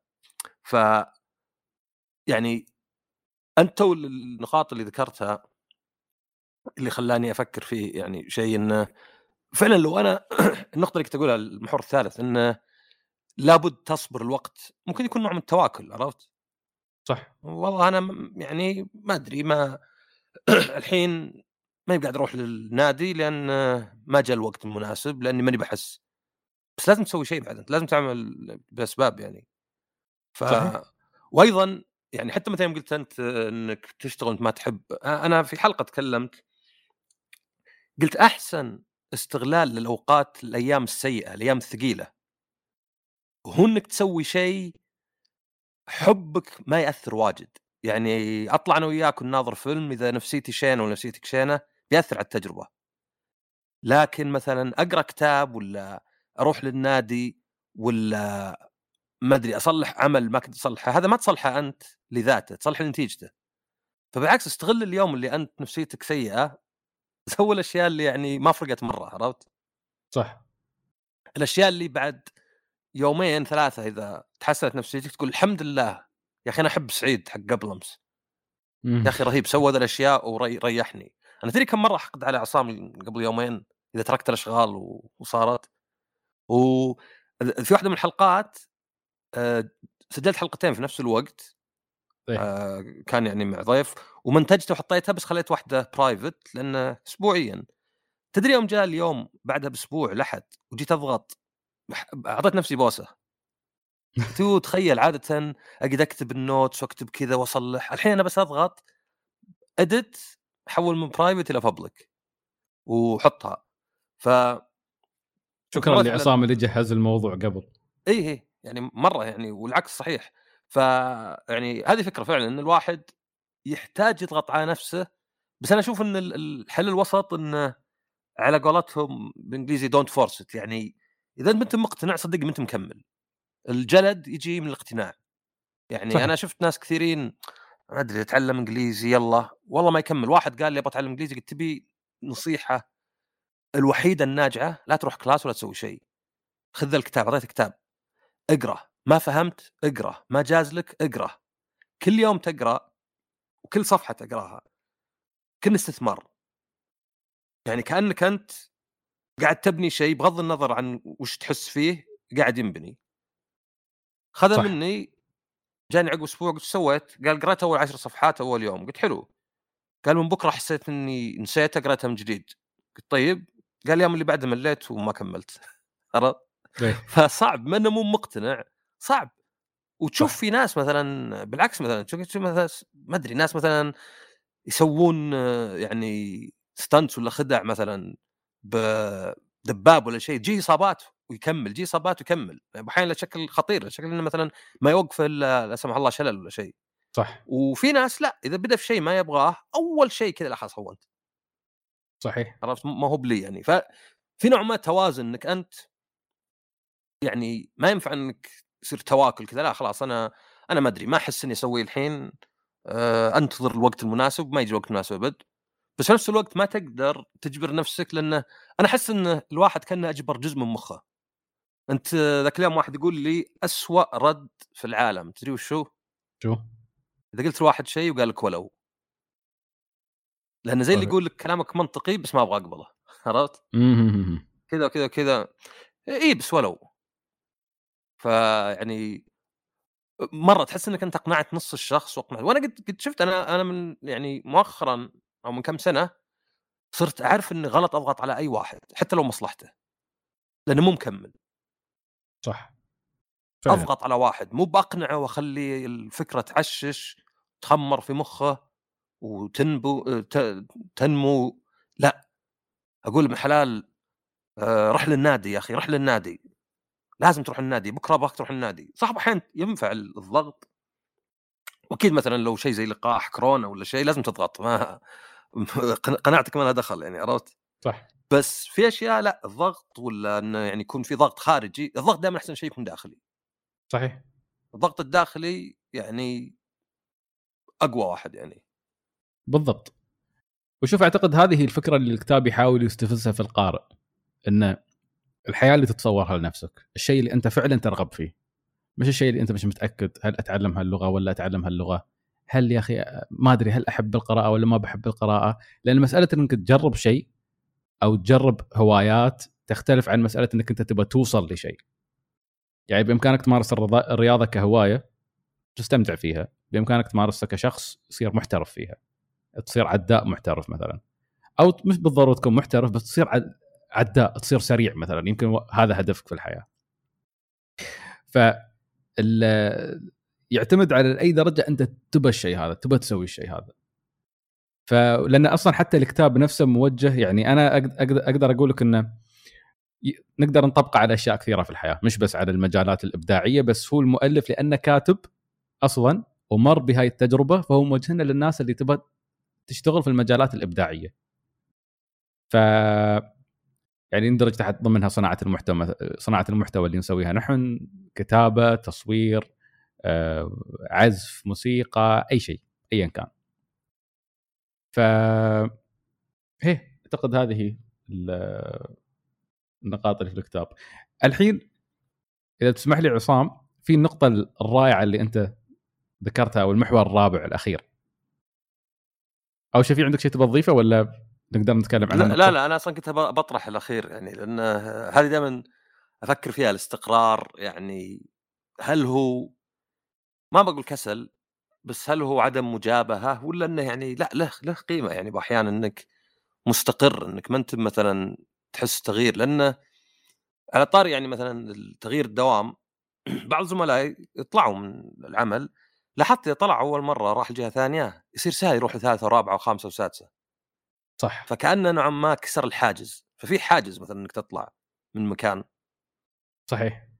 ففيها فعلا. يعني في في مزايا وفي عيوب إنك تطلع بس أيضا في أنا شيء يعني عاد يمكن الدوام بالذات لاحظته آه، مع انه حتى تلاحظها بالخطبة. أحيانا ما تقبل الخيار الأول مهما كان وتقبل الثاني ولا الثالث حتى لو كان اسوء من الأول. عرفت اللي يروح المحل ويلقى مثلا يعني مع فارق التشبيه يلقى مثلا المنتج اللي يبغاه بسعر زين بس لا لا خلينا نمر المحلات الثانية. عرفت؟ كذا كأنه في فكرة إني لا لازم أمر صح فهذه هذه اللي اشوفها أنا إنه يعني الاستقرار والتجديد. يعني عشان ما نقول مثلا ما نخلي واحدة كلمة مثلا سلبية. تعرف أحيانا واحد مثلا يقول لك عدم التغيير والتغيير أكيد التغيير شكله أحلى. عرفت؟ لكن قلها الاستقرار. الاستقرار شيء مهم. الاستقرار يخليك تركز على الأشياء الثانية حتى. عرفت؟ يعني يمكن مثلا واحد يصل آه يعني زي ما قلت لك مثلا زي يعني والاستقرار طبعا مو بشرط إنه يكون تبقى على اللي أنت عليه. ممكن واحد مثلا يتقاعد تقاعد مبكر ولا حتى قبل ما يتقاعد مثلا يبدأ مثلا يعني العكس يعني هذه مثلا تقدر تقول يبغى يركز على الأشياء اللي في حياته الثانية أو إنه مثلا يترك عمله عشان يجرب أعمال حرة مثلا. هذه لا هذا تغيير عرفت؟ آه فتبقى في مكانك ولا بالعكس حتى تقلل يعني بعض الأمور زي العمل ولا شيء في استقرار على تغيير فيها لها مخاطرة. آه ما أدري هل أنا أنا يعني ما ما توصلت لشيء مرة. أنا عندي عادة دافع التغيير. يعني تلقاني مثلا أمل. يعني أنا هذا يمكن الزين إنه ما عندي شخصية أدمانية. شفت الألعاب هذه اللي مدري 2000 ساعة. تلعبها كل يوم. ما عمرها قدرت يعني تثبت براثنها فيني أبد. لأني أمل. طيب. مو بلأني عندي قوة نفس ولا شيء. أمل. إيه ما أتعود. بالعكس في ناس تعودون خاصه أخي أنا تعودت كل ما أجي من الدوام أطب مع أخوياي. وبالعكس أخاف إني أصير متأخر عنهم إذا يوم سحبت ولا شيء. صح. فتحط عليك ضغط نفسي ما يسوى. إيه أنا عندي أصلا أمل فما يبي لها اقتناع ولا شيء أمل يعني أصلا آه، أفضل أغير حتى لو الشيء مو بأفضل بس لأنه مختلف. صح. فعلا. أنا يمكن سبع سنوات قعدت في نفس المكان تقريبا سبع سنوات ونص في الدوام. وكنت أعرف قبلها أصلا طول السنوات هذه إني أنا مجرد ما أتخرج المفروض إني أطلع مثلا من فرع شركتنا اللي في العين أتجه إلى فرع شركتنا اللي في أبو ظبي. لأن أعرف إن هناك تخصصي. بس أنا كنت دائما قاعد إنه يا أخي يمكن يفتحون فرع في العين ليش أروح أبو ظبي؟ لكن كل شيء حولي كان يقول لي إذا تبى تروح أحسن شيء تسويه إنك تروح أبو ظبي. إذا تبى تحصل على فرصة إذا تبى تطور نفسك إذا تبى تكون في مكان آخر. فكان قدامي تحدي كبير إن أنا طول حياتي عايش هني. كيف الحين بعد كل هالسنوات راح أطلع أترك المدينة وأترك أهلي وأترك إخواني وأترك ربعي أروح إلى إلى مدينة ثانية. يعني حرفيا ما كنت ما ما أعرف غير يمكن بس شخص واحد هناك اللي هو كصديق بالنسبة لي اللي أنا أعرفه. فكيف بعيش حياتي هناك؟ شيء كان يخوف. لكن بعد ما تعبت نفسيا لدرجة إن آخر سنة بالنسبة لي في العين كانت عبارة عن جثة هامدة أروح الدوام ارجع لما رحت المدير اكلمه قلت له أنا أشوف أحسن خيار لي أروح أبو ظبي. قال لي أنا أقول لك روح أبو ظبي لأني أنا أشوفك قاعد تموت هني. فيعني جزاه الله خير دفني أعطاني هالدفعة و... وفجأة انتقلت إلى أبو ظبي. لما وصلت أبو ظبي في شيء تغير اللي هو الحاجز اللي تكلمت عنه عصام. إنه قاعد أتعامل مع تغيير كبير في حياتي لأنه وقتها بعد صار موضوع الزواج. كل كل المتغيرات هاي دخلت في حياتي مرة واحدة. وكل المتغيرات هاي ساعدتني إني أقفز السنة هذه من القسم اللي أنا حبيته وقعدت فيه اللي هو مثلا قسم آه، ما بسميه على أساس أترك الأمور بعض. الأمور آه، شوي مبهمة عشان ما أعطي تفاصيل أكثر عن دوامي. بس خليني أقول لك القسم الجديد اللي أنا انتقلت له في أبو ظبي قضيت فيه سنتين ونص تقريبا من أجمل سنوات حياتي. كانت أجمل من السبع سنوات اللي قضيتها في العين. شو السبب اللي خلاها أجمل؟ كمية التحديات اللي كانت موجودة. الفرص اللي شفتها قدامي الأشياء اللي تعلمتها. كل هالأشياء كان بإمكاني أتعلمها لو أني أنا تحركت قبلها بسنتين. لكن أنا كنت خايف إني أتحرك. كنت أنتظر شيء تغيير خارجي. كنت أنتظر القسم هذا يفتح يفتح عندي في العين. بس كان لازم أنا أروح له. بعد ما مريت بالتجربة هذه تسهل علي إني أروح إلى قسم ثالث في نفس الفرع في أبو ظبي وأمر بتجربة جديدة كاملة كليا. آه، قعدت شهرين ما عجبتني. قمت رجعت للقسم السابق. الحين القسم اللي أنا فيه أحس إني خلصت كل شيء فيه وفتحت وانفتحت فرصة جديدة. ففي عندي قسم مختص ب أنا تخصصي استراتيجية. ففي عندي قسم مختص ب الاستدامة ما أدري كيف وفي عندهم ملف جديد كليا يبون يمسكونه. وهو بالنسبة لي تطور طبيعي من الاستراتيجية. فقررت إني أنتقل هناك. قرار الانتقال قرار الانتقال إلى ذاك القسم اللي هو القسم الرابع بكل في الشركة الحين كان من أسهل الأشياء اللي مرت علي. طبعا أنا أكلمك حاليا عن نفس الشركة بس أقفز من مكان لمكان. ما أكلمك عن القفزة من دوام إلى دوام. قبل كنت دائما فكرتي إن كيف بترك الناس اللي أنا عشت معاهم كل هالسنوات الموظفين. طيب القسم القادم يمكن يكون في موظفين سيئين يمكن المدير ما يكون نفس المدير اللي أنا متعود عليه يمكن ما يفهم علي يمكن يمكن يمكن. بس مجرد ما تنتقل تكتشف إن كل هالتفاصيل غير مهمة لأنك أنت كإنسان بتتأقلم مع الشيء اللي راح تواجهه لاحقا. نحن دائما خايفين إن المكان اللي نحن فيه بغض النظر إذا كان جيد إن نفقد نفقده مقابل مكان سيء لما نروح ننتقل إلى مكان ثاني. أو إن المكان السيء اللي عندي خلك على مينونك على قولتهم. خلك على مينونك لا يكل لي أي منه فنخاف ننتقل من مكان سيء إلى أسوأ. دائما عندنا هالخوف. لكن في الحقيقة أكثر مخاوفك 90% منها تتبدد لما تتحرك إلى المنطقة التالية. وبالتالي شيئا فشيئا تكسر حاجز كبير عندك. ويسهل عليك إنك تنتقل. لذلك عصام أغلب الناس اللي عرفتهم بعد ما ينتقلون من عندكم يصير عادي عندهم إن ينتقلون من شركة إلى شركة إلى شركة إلى شركة أو دوام إلى آخر. لأنهم تماما تخلوا أو خليني أقول لك أدركوا أهمية إنهم يتحركون. الاستقرار مهم بس يمكن في جوانب ثانية في الحياة. لكن مثلا في الجانب المهني أو جانب الأعمال أو حتى جانب صناعة المحتوى.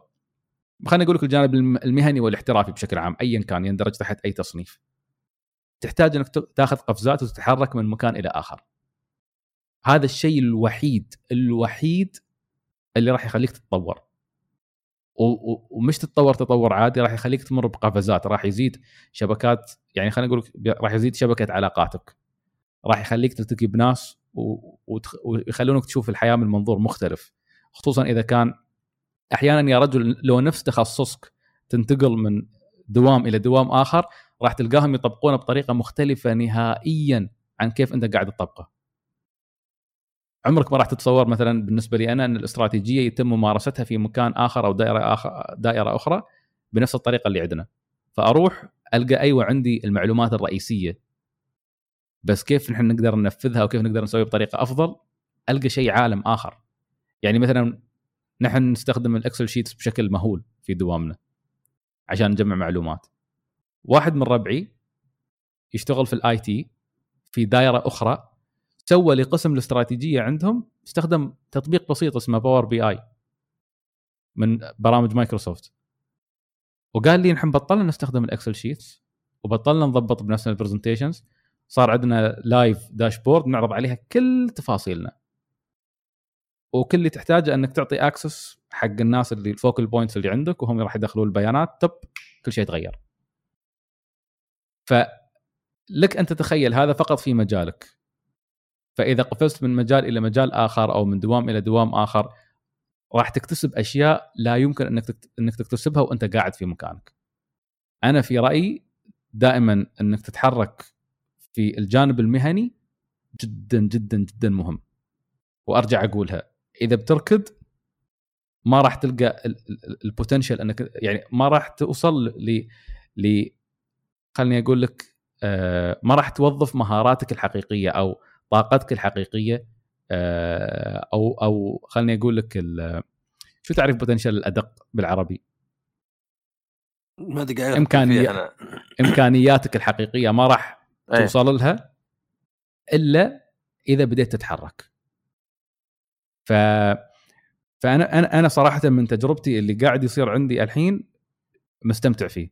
صرت مستمتع بإني أنا أتحرك من مكان إلى آخر ولا إني أقعد في نفس المكان. ما صار عندي مهم إني أقعد في نفس المكان. واحدة من الأشياء اللي كذلك حتى من ناحية التحرك وخروج من من من منطقة الراحة بالنسبة لي كانت في السفر. أنا كنت أرو... كل سنة أرجع اليابان أرجع اليابان أرجع اليابان. الحين تعرف إني ما صرت مهتم بالعودة لليابان حتى مع إنها بتفتح الحدود.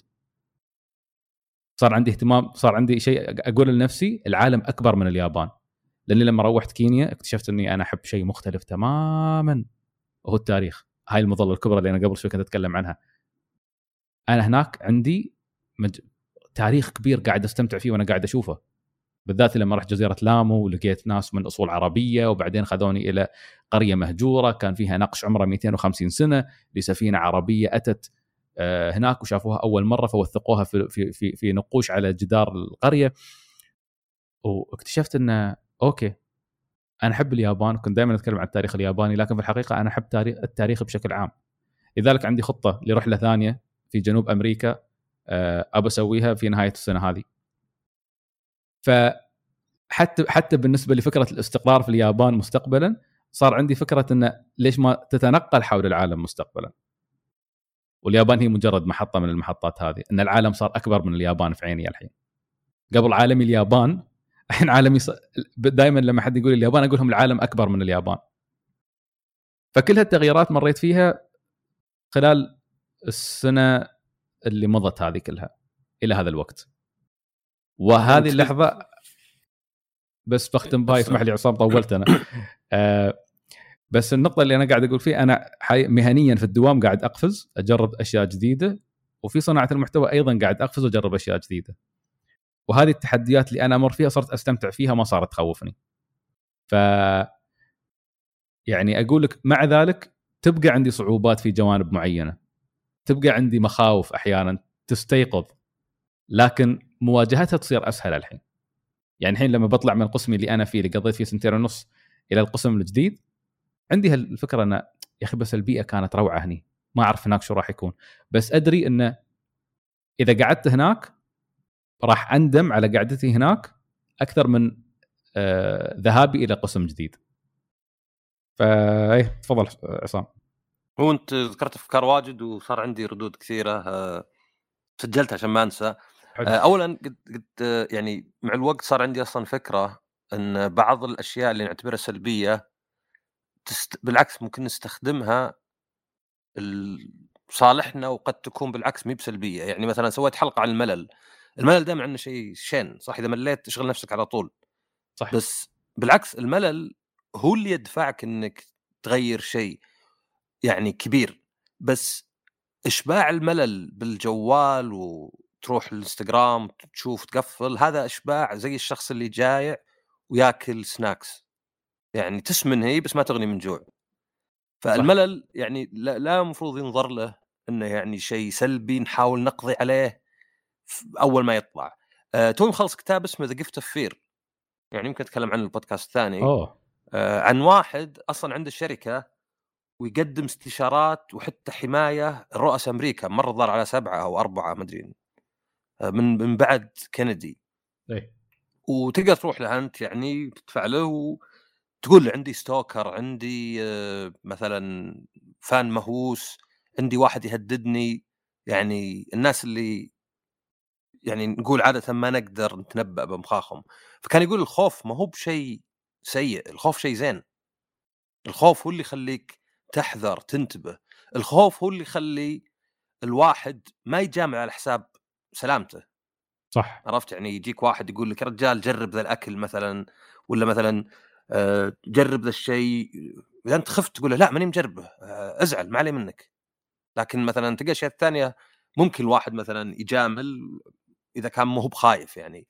آه، أيضا وهذا يمكن اللي أنا أقصده بالحلقة يعني بالكلام بالذات كان في stand-up comedian يقول القلق الشديد اللي يجيك قبل ما يطلع قدام الجمهور يقول كنت أوظفه بإني أطلع كلي طاقة يعني أزاعق وأرك وأطامر. بينما يقول. لو القلق ذا راح كان تلقاني غصب طاقتي نزلت يعني أطلع مثلا آه السلام عليكم كيف الحال؟ شو أخباركم؟ لكن تعرف اللي يطلع لك يا كذا أهلا! جاي من القلق. فبدال ما يخلي القلق يخليه يسكت ويتردد عرفت؟ مخليه يعني يطلع طاقته يعني. حتى ذكرت على بس الخوف كان يقول قصة صدقية. واحد يسبح في البحر وعض قرش وسحبه تحت. فيقول يعني بكل هدوء يعني إذا تقدر تسمي إنك تحت الموية مع قرش هدوء قاعد يلمس راس القرش إلين لقى عيونه ودخل أصابعه فيها بقوة.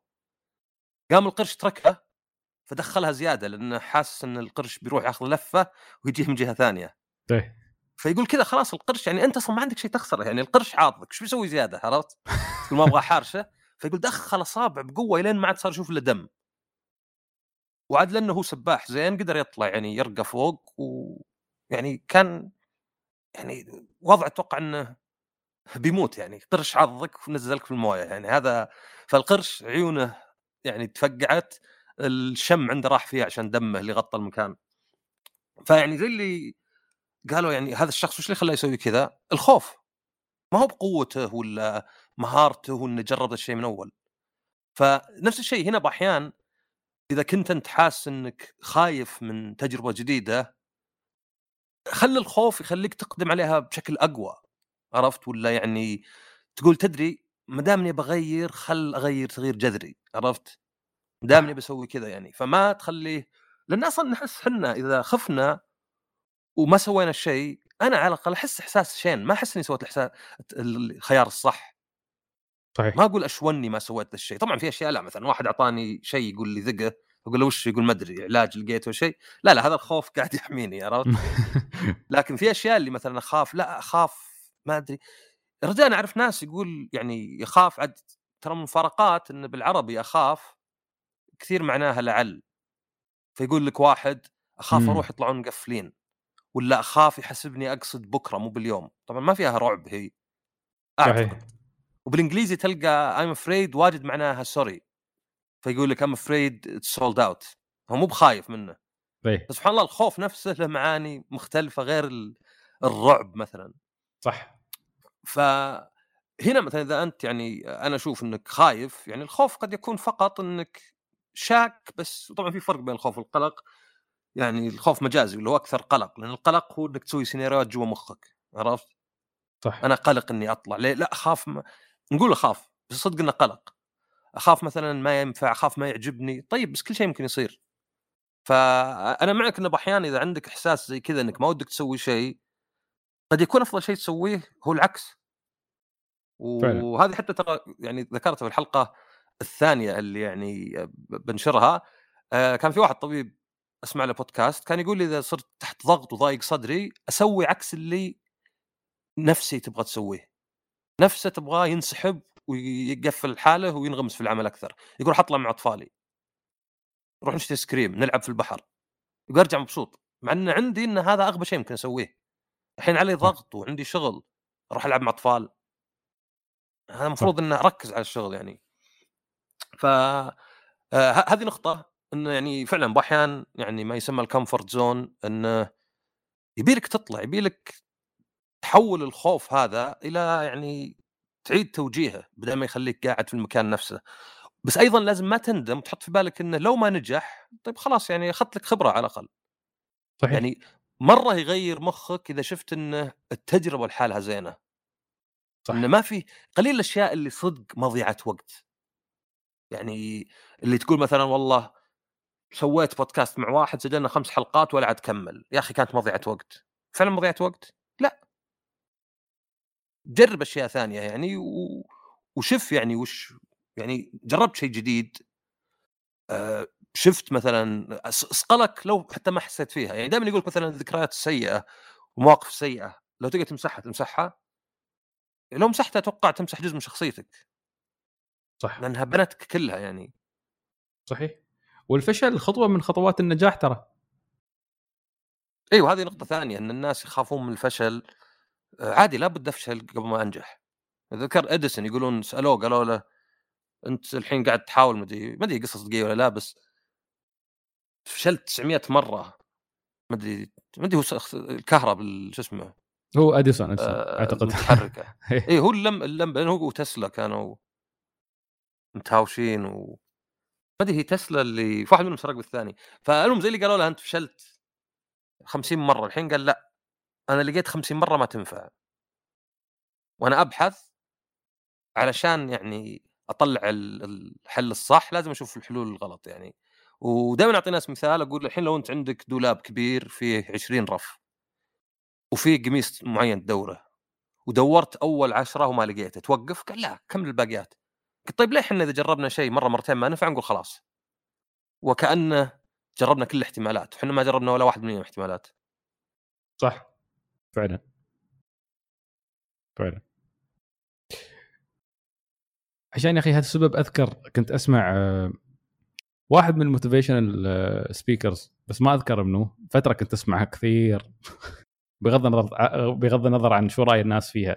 بس أذكره كان يقول شيء يعني كلمة رائعة.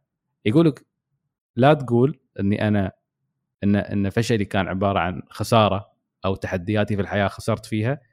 سمها استثمار. أنت استثمرت وقتك في تجربة راح تحصد منها خبرة بتساعدك بتقربك للشيء اللي أنت تبغى تسويه. ف ففعلا نقطة الفشل هذه آه، نقطة مهمة جدا جدا جدا إن الواحد يستوعبها انه إذا فشلت أحيانا تراك تكون سويت كل شيء تقدر عليه. وهاي النقطة اللي عصام كان يقولها في البداية. أنت سويت كل شيء تقدر عليه. لا تلوم نفسك وما في داعي تلوم شيء. أنت حاولت وفشلت. هذا جزء من الحياة. جزء من تجربتك. ترجع تحاول مرة ثانية بس هالمرة خبرتك بتكون أفضل. والله أعلم وين بتوصل. يمكن تفشل مرة ثانية بس ترجع. مرة ثالثة مرة رابعة مرة خامسة إلى أن تصل للشيء اللي أنت تريده في النهاية. وكل وكل ما حاولت كل ما يعني آه، بتلقى أن خبرتك قاعدة ترتفع وتزيد. وهذا كله يرجعنا إلى سبحان الله ترى في عندنا خيوط كثير متشابكة في حلقة اليوم.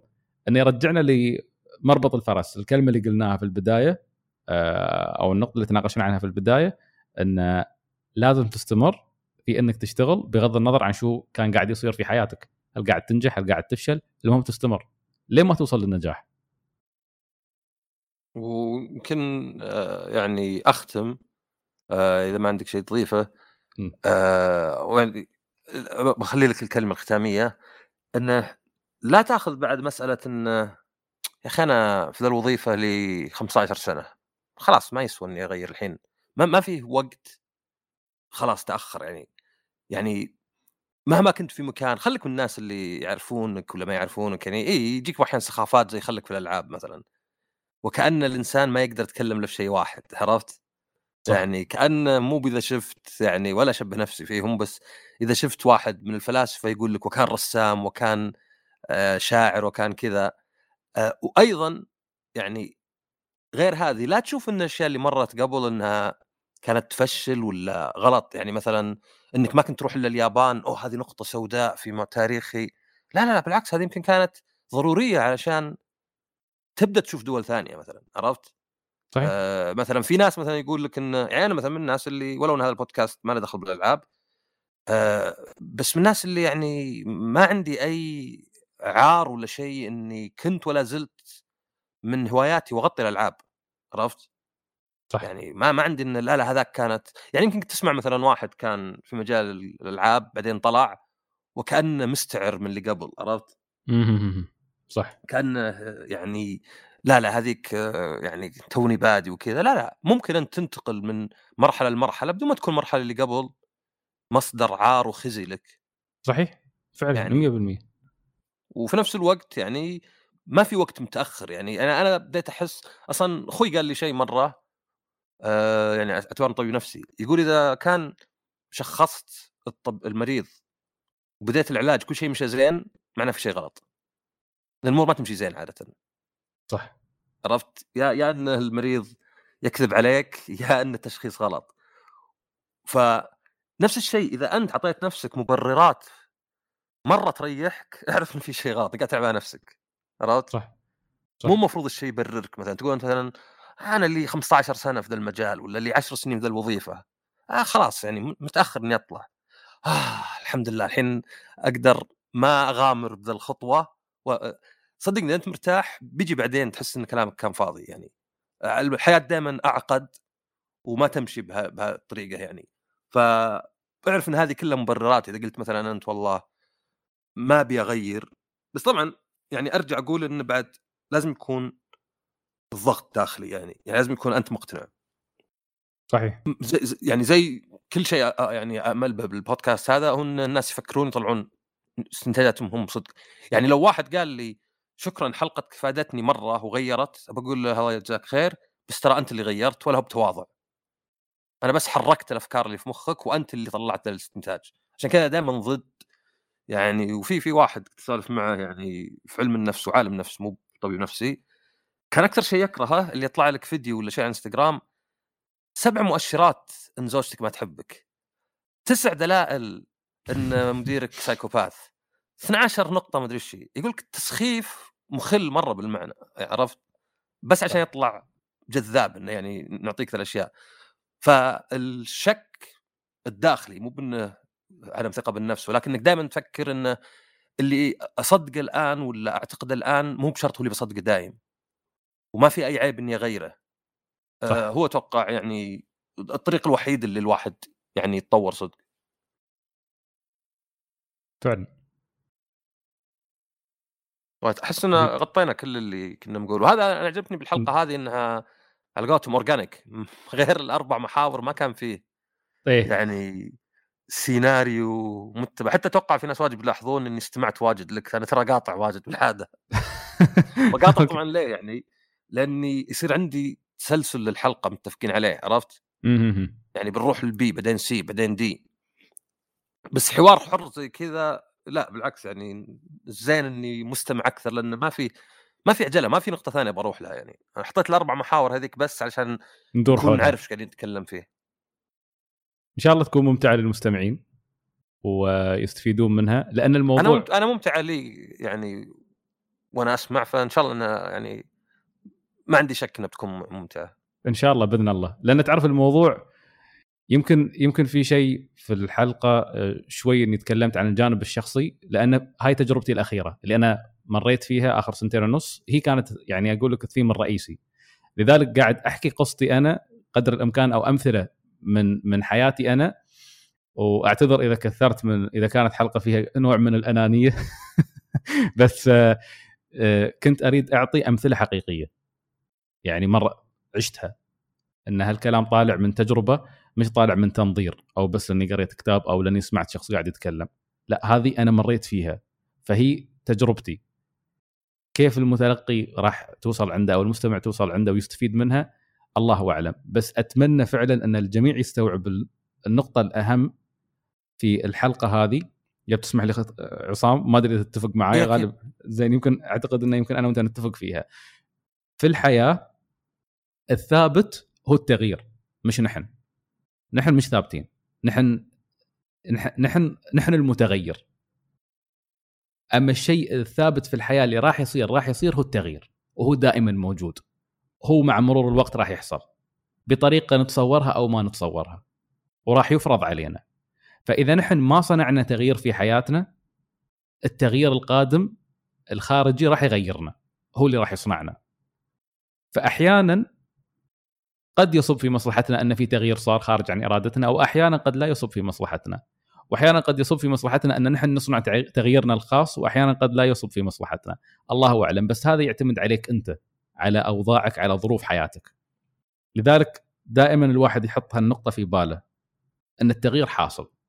فهل هو أخليه يصنعني ولا أنا أصنعه بنفسي؟ فأعتقد هذه الجملة اللي علقت في رأسي صراحة من من تجربتي الشخصية. و يس أعتقد ما عندي شيء زيادة أضيفه. لا بالعكس نهاية خاتمة جميلة يعني. الحمد لله. الله يعطيك العافية. الله يعافيك عصام ومشكور على دعوتك. حلقات بعد يعني تكون فاتحة حلقات مستقبلية. أكيد إن شاء الله أكيد. أنا مبسوط صراحة إني أخيرا أخيرا قدرنا نسجل شطحات لأن ما, ما أدري بس يمكن من 2020 ونحن نتكلم عن ان نبغى نسجل حلقه شطحات وسبحان الله ما تيسرت لنا إلا إلى الآن. وأنا أقول أيضا لاحظت يعني شيء لاح... آه، قناعة وصلت لها مع الناس كلهم. إذا قلت يبي نسجل قريب ولا الفترة الجاية ما أنت مسجل. إذا صح. قلت بقابلك أنا ليه ما نقابلك هالأيام أنت مقابل؟ لازم تحدد صح. وقت. صح. عرفت؟ فعلا. حدد وقت حتى لو عقب ستة شهور حتى لو قلت لواحد خلاص آه، مارس القادم. بالضبط. بس إذا الواحد حدد وقت صار في التزام وصار في تأهب نفسي إنه خلاص أنا عندي يعني هالموعد يعني. صحيح. فعلى كذا يبي لنا فكر موضوع وبرسل لك وقت كذا خلاص. إيه مثل ما سوينا. قادمه بالضبط. حتى لو عقب شهور يعني يعني أنت تراعي الواحد طبعا ما يبغى وقت بس فعلا هذه واحدة من الأشياء اللي شفتها آه لا تخاف من إنك انك تضغط على الشخص ما أنت بتتعامل مع أطفال عرفت؟ إذا قلت لواحد وش رأيك الأسبوع الجاي؟ يقدر يقول لك لا. بس إذا قلت له والله آه، يعني وش رأيك الخميس الجاي مثلا؟ يقدر يقول لك لا. بس إذا قلت له إيش رأيك كذا الأسبوع الجاي أو اللي عقبه متى ما فضينا آه، صدقني مو بصاير. طيب. ولهذا السبب تسجلت هذه الحلقة. أن الأسبوع الماضي قلنا تاريخ 1 سبتمبر راح نسجلها. وهذه هي أيوه الحمد لله صارت. فعلا. الحمد لله. طيب يعطيك العافية ويعطيكم العافية على الاستماع. ونشوفكم على خير ومع السلامة.